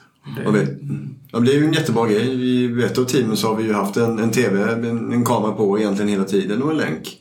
Så att man kan droppa in när som helst och det har ju alltid suttit en, två eller tre personer på, på eh, kontoret och då, då har man om man har haft tid över och velat ha ett möte eller bara säga hej så, så finns det en länk. Eh, vilket är jättekul och sen att man har virtual fika, Swedish fika vid, vid eh, givna tider och så vidare. Och man lägger till en extra daily stand-up och sånt där. Så det blir ju eh, ja, schemalagt men det kan också vara, bli spontant ifall man, man har möjligheten att sätta upp liksom enkla, enkla medel ändå. Liksom. Sen, sen har du det stora problemet också om man inte är väldigt disciplinerad. Att man liksom börjar liksom förfalla till någon typ av uteliggare och liknande. Och börjar, Ja. börjar gå, gå hål på mjukisbyxorna. Och, eh, Ja. Hinner inte äta lunch och ja, jag vet inte, det kanske bara pratar för mig själv då, men jag... Men jag, man jag, har filter. alltså kostym konstant. där. jag undrar hur många det är som har kört det med mjukisbyxor och, och, och skjorta eh, stylen. Jag tror att det är ganska många som Ja, För det finns ju företag som har dresscode och, och så vet jag har hört liksom att, att man kan sitta liksom med en, en tveksam underdel men sen har de ändå kanske liksom kostymöverdelen på det på något sätt. Ja. Pyjamasbyxor, skjort- Ja. skjorta och slips. Ja, precis. Den klassiska nyhetsreportern liksom står när bordet är liksom Ja. kostym och sen är det shorts. Ja, precis. Så kollar klockan. Oh hjälp, jag måste hämta barnen. Och så springer man iväg utan att tänka på att byta om. Just det. Ja. Ja, eh, vad hade vi någon mer punkt där? Vi hade vi kring eh, lärdomar. Lärdomar. Vad, tar ni med er? Jag behöver inte säga mer, utan ni får utveckla det själva tänker jag. Det är kaos där ute. ja, det är kaos där ute. Nej, det är ett strukturerat eh, kaos. Eh, eh, Men var det värre än ni... Ni har ändå nämnt lite att ni har blivit varnade för det. Blev ni tillräckligt varnade eller var det bara oh shit, det här är ju helt otroligt liksom? Jag upplever inte det- kaoset som var beskrivet utan jag tyckte att det var, det var strukturerat och jag tyckte att man, jag tyckte att det var jättehäftigt att komma ut och, och se att man ändå kunde under, ändå ha, under ordnade former jobba på ett sätt tillsammans. Men sen så handlar det väl ändå fortfarande om att vissa saker går lättare och andra projekt eh, finns det mer utmaningar i liksom. Eh, Det finns ju många olika definitioner av kaos. Någonstans så, eh, du, du pratar om ett strukturerat kaos. Eh, jag kan känna att det fanns ett accepterat kaos. Det är kaos, vi vet det och vi vill framåt på något sätt. Vi, vi försöker att hitta en struktur som funkar för oss. Eller vi, vi försöker att hitta en struktur som funkar nu när vi växer mycket eller nu när vi eh, går in i... Jag menar, en form av kaos var ju just när vi gjorde omställningen från eh, från att köra en eh, eh PI planning fysiskt där vi kan flytta lappar och det är väldigt interaktivt till att eh, om två dagar ska vi köra detta digitalt. Den omställningen är också en form av kaos. Och, men har du inte en, en vilja framåt så kommer du aldrig lösa kaoset. Då kommer du aldrig utveckla kaoset på något sätt. Alltså det, det, jag- det jag funderar på, liksom, är er definition av kaos kontra min eh, skiljer sig något. Jag, alltså för mig så är kaos någonstans där du inte har processer där alla kör bara rakt ad hoc utan egentligen veta vad liksom, högerhanden vet inte vad vänsterhanden gör i princip. Och man jobbar med 67 olika saker samtidigt och ingenting är prioriterat, ingenting är i ordning. Och man dunkar in allting i en kodbas utan att veta liksom vad som kommer först och vad som testas när och vad som påverkar vad. Det är kaos för mig. Att det finns mycket olika saker att hantera i olika givna kontext är inte kaos för mig utan det är mer eh, liksom naturlig, ett naturligt flöde. Alltså så länge du har en prio, så länge du har en metodik att falla tillbaka på någon typ av utgångs way of work process så, så är allt annat som utgår från det någon typ av utveckling. Så att du kan förändra din, din, din, eh, din, din vardag eller din, din, eh, din situation, eh, ditt sammanhang. Men det är inte kaos. Utan har du en grund att stå på och du kommer vidare någonstans så, så är det ju egentligen bara ett, en, en rörelse åt något, någon riktning. Vi provar någonting för vi vill prova det. Det var inte bra, vi backar. Så länge du har grundplåten att stå på så är det ju inte kaos. Men eh, är det kanske så att det var, det var den uppfattning ni fick? Alltså om man säger för fem år sedan ni tänkte den här appen liksom. Det, alltså, Ja, men det, den funkar ju. Det måste ju varit ett bra arbete där bakom liksom. Och det måste allting är strukturerat och alla vet allting. Och sen kom den ut så bra. Och det så här var det ju inte. Det, visst, det är inte kaos som du säger men det är fortfarande väldigt mycket som hade behövt kunna bli bättre. Alltså förväntan är att branschen skulle vara mer mogen än den är idag. För den är ju fortfarande en rätt så omogen bransch. Ja, jag hade väl, jag hade väl tänkt att det fanns en, en tydligare eh, struktur på det. Kanske. Eh, men samtidigt så kom jag in i ett läge där vi faktiskt applicerade en ny, ett nytt verktyg, alltså automatiseringen. Det, det är ju ingenting som de hade innan. Så att eh, det är ju det är ett nytt arbetssätt också samtidigt. Så, så då kanske jag Ja, men då kanske jag lägger definitionen kaos på det men, men, men det kanske ändå inte är kaos per se. Utan det är bara ett... Jag vet inte. Det kan vara så att man, man testar ju sig mycket fram fortfarande. Ja. Så, så är det ju. Det är liksom fail fast eller vad de alla jävla modord som finns. Ja, Ni kanske tänkte att ja, men man har ju en ut, utstakad idé vad man vill göra redan. Liksom. Men här är att vi har ju testat oss fram och funkar det inte då gör vi något annat. Liksom. mm. Så jobbar man ju mycket. Trial and error. Ja, alltså är det så att man, man, man startar någonting som inte finns innan utan att man egentligen har en plattform att utgå ifrån så absolut, då, då kan det ju upplevas som kaos. Det kan jag ju förstå verkligen. Eh, utan det är ju snarare när du utgår från någonting som redan finns på plats som du sen försöker förädla eller förändra bara för förändringens skull för att se vad som händer. Det är ju i värsta fall kanske en strukturerad kaos. Att det kan bli kaos på grund av att man, man inte riktigt vet vart man hamnar men man har alltid någonstans att falla tillbaka mot. Eh, I Viktors fall så fanns det ju väldigt, väldigt detaljerade hur vi ska jobba, hur vi ska agera och jobba ihop. Men däremot så provar vi ju saker, i alla fall i det första teamet, väldigt ofta. Och såg, går det upp tweaka här, kan vi göra detta, hur ska vi liksom få till det? Eh, och, och det var ständig förändring, men det fanns alltid grundplåten att backa till. Och det var det ju ändå i, i, i, även i team 2 då, liksom, som inte var riktigt, inte riktigt lika förändringsbenägna att prova nya saker men det fanns ändå grundplåten att backa tillbaka till. För det var någonting vedertaget, något man har jobbat med länge. I ditt fall så är det ju, det finns inga regler för det finns ingenting. Nej, nej. Och ni kanske inte hade en, en, en given process, givet sätt att förhålla er till andra team och sådär liksom på plats riktigt. nej. Och då kan jag förstå att absolut att det upplevs som mer kaos. Ja, precis. Och, och säkert ännu mer ur min synpunkt i och med att jag inte hade erfarenheten och, och man vet eh, inte alltid vart vägen leder på något sätt. Så går jag ner denna vägen, vart, vart kommer jag då? Det vet jag ju inte och då, då blir det ju lite... Eh, ja, En lärdom är det ju, skulle kunna vara att, att det, det, blir kaos, det kan bli kaos fort ifall man tar genvägar eller om man... Igen tror jag att, att där- dit jag ville komma lite innan var väl det här att, att eh, kommunikationen, det, det landar lite i det igen. eh, Att lärdomen är att eh, kommunicerar vi sämre i, i teamen, mellan teamen så, så, så blir det problem och då spårar det ut rätt så fort. Att ha en struktur att falla tillbaka på. Eh, och eh, när, vi, när vi gör saker i fel ordning då, eh, då spårar det ut rätt fort. Eh, sen hela tiden försöka utmana varandra och, och vara nyfikna, hitta nya vägar och det är ju sånt som, som gör att vi utvecklas. Men att, att vi har en process eh, som vi kan lita på, som vi kan, kan falla tillbaka på. Eh, är ju en väldigt, väldigt bra grund. Eh, känns det ju som. Eh, Ja, En av de, en utav de eh, bästa lärdomarna jag har fått med mig och det tog ju rätt många år innan jag kom dit. Det var ju Jerry Weinberg. Han har ett eh, väldigt eh, känt citat som är No matter how it looks at first it's always a people problem. Och det har jag tagit med mig under de senaste sju åren av min karriär liknande just att det spelar ingen roll hur bra processer du har, det spelar ingen bra, te- bra teknik du har, verktyg du har, det spelar ingen roll. Det alltid grundar sig i ett mänskligt problem. Att det, det är människor som ska jobba ihop på något sätt.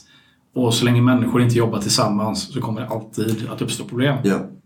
Förstår vi inte varandra i, i en del av processen så är det troligt att det kommer att bli problem i, i, ett, i en annan del av i processen helt enkelt. Då, så det hänger ju ihop liksom. Mm. Visa ord. Vad, vad skulle ni säga, vad skulle ni vilja skicka med nästa årgång av eh, nya studenter? Det är kaos där ute.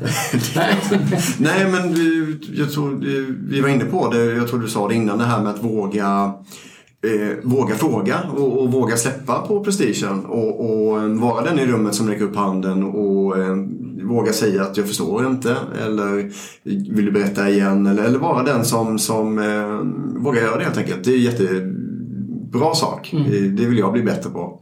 Ehm, att att ehm, våga ställa de här frågorna för att det är hela tiden det som leder eh, leder det vidare.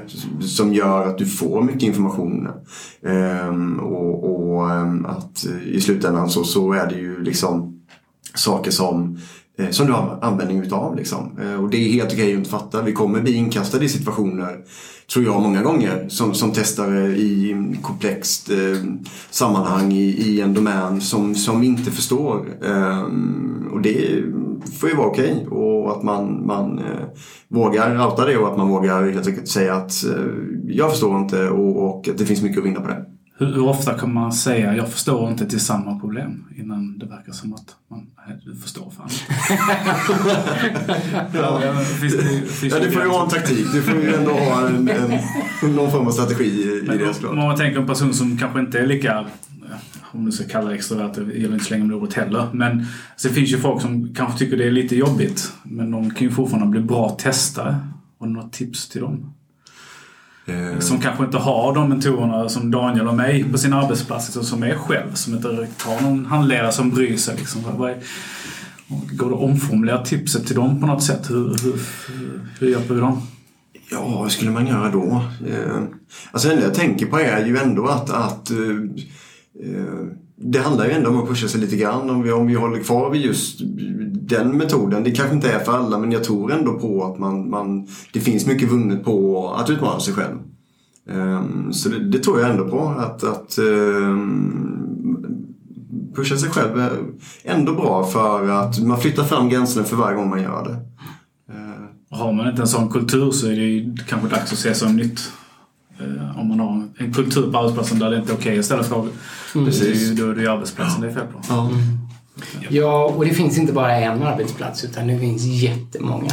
Och, och det finns lika många olika typer av roller också. Så att, eh, och känner man ganska fort att fan, det här gillar jag, våga liksom gräva i det och mm. våga, våga stå där och gräva lite. Om man inte vill ha den kommunikativa rollen så, så skulle det kunna vara det som du säger också men då kanske man ska gräva eh, på eh, hitta ett fokus. Man kanske kan specialisera sig på ehm, en, en, en viss sak och bli specialisten på det. Alltså, det är väl igen det som är eh, häftigt och, och ehm, med testarrollen. Att det blir ju, tror jag, lite vad man gör det till. Ehm, och eh, vill man inte ha den eh, extroverta rollen eller att man vill ha liksom den här eh, kommunikativa rollen utan att man vill man vill vara mer teknisk eller jobba på, med de bitarna, ja, men då kanske man, man ska fördjupa sig ännu mer i, i, i det. Så det, jag tror att det finns olika vägar att gå där då. Personligen så tror jag väl absolut det finns utrymme för, för båda typerna av personligheter. Utan jag tror nog bara du behöver, om man inte vill vara den, den här personen som kan, kan stå framme och, och vara kommunikativ och informera över om vad man kan och inte kan och och vad man hittat, vad man inte hittat och så vidare så, så behöver man ju lite som du är inne på kanske då djupdyka mer i systemkompetensen och verkligen förstå hur allting hänger samman så att istället för att du delger information så är det folk som frågar dig. Mm. Eh, lite att bli den där eh, experten inom området som du verkar i. Wizard. Ja men lite mm. så och, och, problematiken där är ju att det tar ju tid för många att ta sig dit så att det är en ganska tuff resa att eh, köra på på eget håll och liksom bli den personen. Mm. Det är inte omöjligt och när du väl är där så kommer du vara ovärderlig. Mm. Men, men det är lättare att börja i den änden när man faktiskt försöker öppna upp och, och vara det navet kring kommunikation gällandes kvalitet. Mm. Så att eh, som inne på, det, det finns, jag tror absolut det behövs både och men det, det, kan vara lite tuffare att komma in och, och, inte känna att man är bekväm med att interagera med människor som testar idag skulle jag säga. Mm. Och det gäller även utvecklare att de här den här klassiska som de, de skickar ner längst ner i källaren på Volvo med två stycken stora skärmar och matar in pizzakartonger liksom under, och Coca-Cola under, under dörren. Liksom. Det, det, finns inte riktigt längre idag. Utan, eh, så, att, så man behöver nog, eh, även om man inte är bekväm med det, forcera sig till att faktiskt dela information och sådär. För kommunikation blir allt mer viktigt. Absolut. Vad ska vi säga? Så att det är egentligen det ni, det ni säger då är egentligen eh, våga, våga fråga, våga eh, inte förstå eller mm. visa att man inte förstår. Mm. Och, och liksom ta hjälp mm. helt enkelt av, av andra som, som kan mer. Mm. mm. Och våga vara intresserad. Ja. Mm. Våga, våga liksom få ett specialintresse och, och gå ändå efter det. Eh, så att, eh, det, jag, hade, jag hade ju något sånt ögonblick när vi, när vi hade prestandakursen. Så, så fick jag någon sån här, gud vad roligt, det här är ju intressant. En brinnande föreläsare som pratade om hipminnen och, och eh, det var liksom hur, eh, hur cachen eh, lagrades och hur den liksom rensades och sånt där. Och sen så var det optimering av databasen och låset. Så det var ju en sån här fråga som, som fastnade hos mig. Men vad har ni för lås på databasen? Är det pessimistiskt eller är det optimistiskt? Så här, det har ju en jätte... Och vad är connection poolen? Alltså hur många? Så, här, så att eh, det var någonting som, som fastnade. Så att, och det är ju inte många som kan svara på den frågan när man kommer till ett företag. Så här, ja, vad har vi för lås på databasen? Det... Nej, den tog du ändå med dig. Vi var ju på ett par studiebesök. Ja. Och den, eh, den hade du ju med ja, dig igen faktiskt frågematerialet. Ja. Det var ju väldigt roligt ju. Ja. Det blir lite internt. Och till sist, men... till sist blev det ju bara en, en nisch på något sätt. Mm. Liksom en sån här, fan, det är ju en dålig fråga, men jag frågar den ändå. Det, är ju... det sticker ut lite. Det är lite kul. Ja. Uh, för knyta an lite grann till föregående podcast. Så vad, vilka, vilka hjältar har ni haft? Liksom, vad, eh, som jag pratade om innan, jag, jag och Fredrik här har ju haft eh, ja, Bach givetvis, Bolton och kanske Bradshaw eh, numera och ett mm. gäng andra sådana eh, ja, som är våra hjältar och även de här inom Sveriges gränser som varit med tidigt. Då, eh, de fyra musketörerna med Martin Jansson, Steve och Rickard Edgren heter han väl. Mm. Ja. Hur, vad, vad, vilka har ni liksom, vad ska man säga, tagit rygg på och känner att, alltså både om ni har eh, utanför Sveriges gränser eller inom Sveriges gränser, när man sett eh, ja, prestationer eller videoklipp eller vad det nu kan vara, vad, böcker ni har läst? Vad... Jag har ju fastnat mycket för Richard Bradshaw.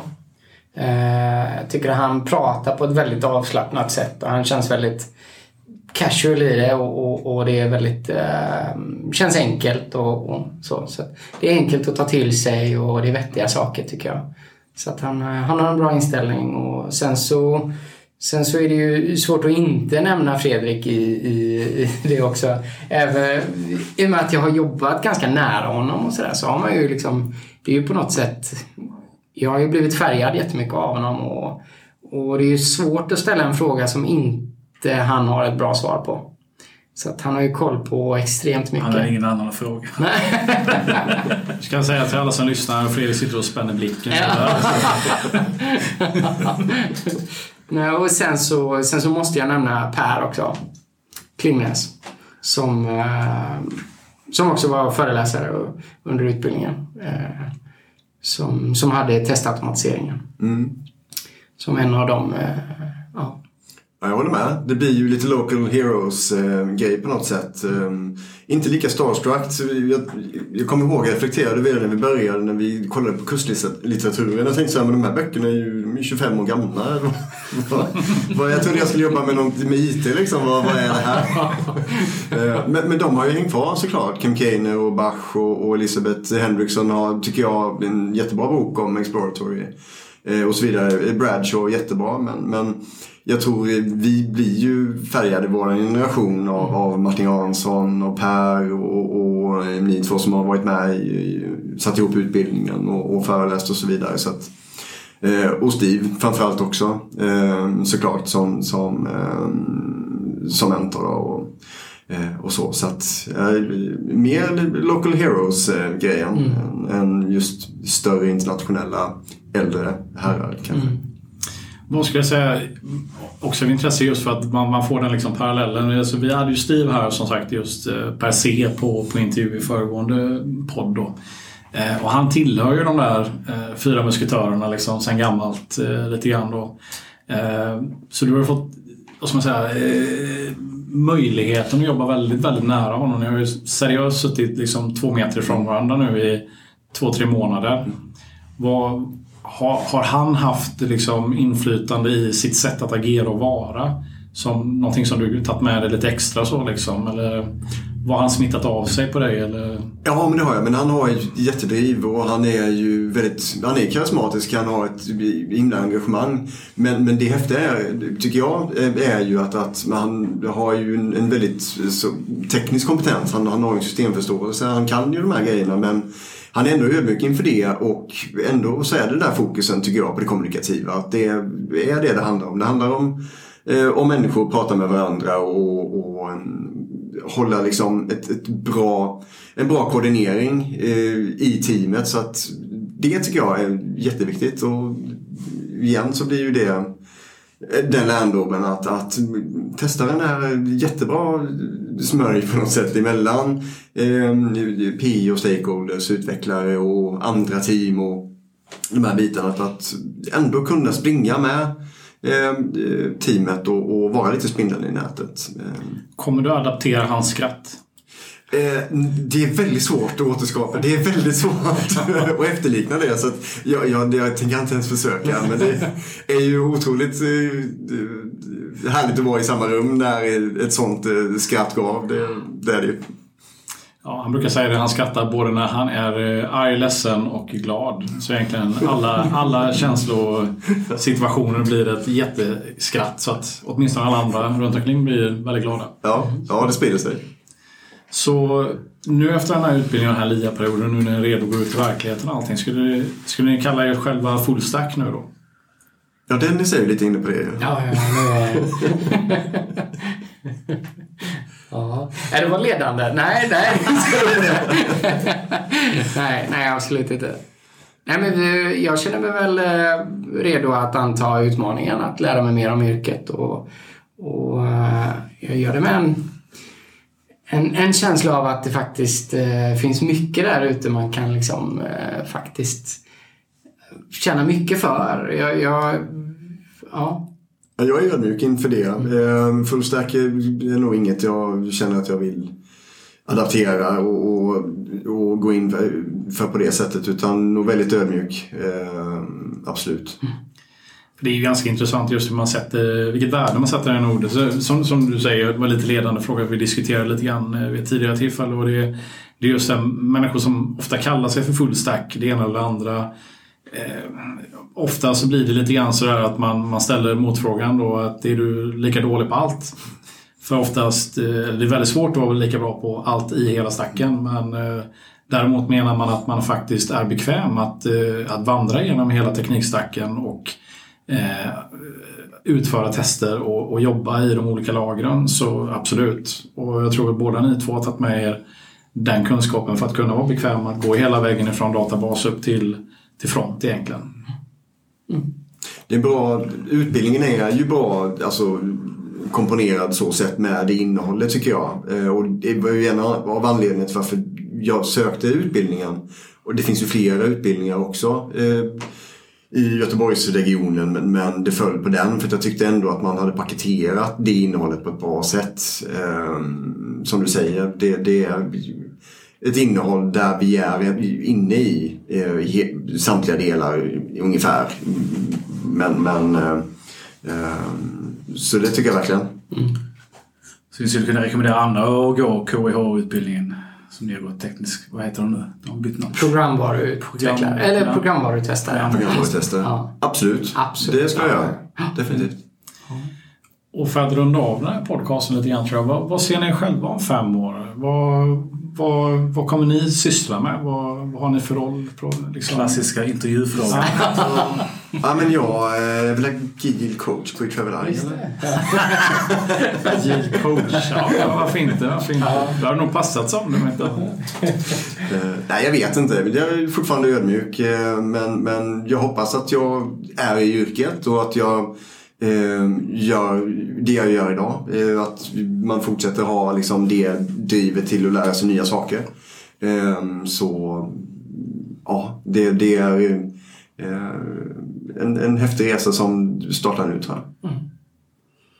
Ja, nej, men jag känner samma sak. Jag, jag vill bara fortsätta och, och lära mig nya saker. Och komma in i roliga projekt, roliga utmaningar och eh, testa olika branscher, testa olika produktbolag och, och eh, nu har jag ju kört mycket webb och, och kanske går därifrån och, och sådär. Så att det finns mycket man, eh, man vill hinna med innan eh, man ska gå i pension. Så att det är väl bara att Och min, min sista fråga i alla fall. Vad, vad kommer ni skriva i ert exjobb? Jag kommer skriva om eh, test automation och automation in test. Försöka och, och, och se eh, om man kan liksom skilja på det. Eh, och på vilket sätt man gör det. Eh, så, att, eh, så det kommer jag skriva om. Mm. Jag ska skriva om testarens roll och kontro- kontroverser kring testarens roll. Eh, olika skolor eh, och hur mixar vi utforskande test? Hur mixar vi eh, automatisering? Och hur, hur samverkar vi i, i ett agilt utvecklingsteam? Det ser vi fram emot att höra mer om. Mm. Båda två. Ja, men då så. Då tror jag ja, vi är ganska klara nu va? Ja, babblat på som vanligt. Ja, ja, visst. Vi har haft jävligt kul i alla fall. Hur, Ja. hur känner ni? Det har varit jätteroligt. Ja, det känns jätteskönt nu. Ja, det här gör vi igen. ja, precis. Nej, det, det var kul att få komma hit. Så. Tack för att ni ville komma hit. Ja, stort tack för att ni tvingades hit. Eh, och eh, all lycka i framtiden. Ni kommer absolut att, att göra avtryck eh, på Göteborgs eh, test. Eh, ankdamm kan vi nog lugnt eh, räkna med. Kolla tillbaka på den här podden om några år så ser vi, tar vi en återblicksintervju om eh, fem år då. Ja, Testkört precis. avsnitt 499. Det låter bra. Får vi se om, ska vi se om Viktor är giv-coach då. Då Vi är fick, inte, vi fick inte vara med på 500 avsnittet. Nej. Nej. Ser du Gid coach så ja, då får vi se om vi vill intervjua Nej, Skämt åsido. Tack. Ha det bra. Ja. Tack. Nej.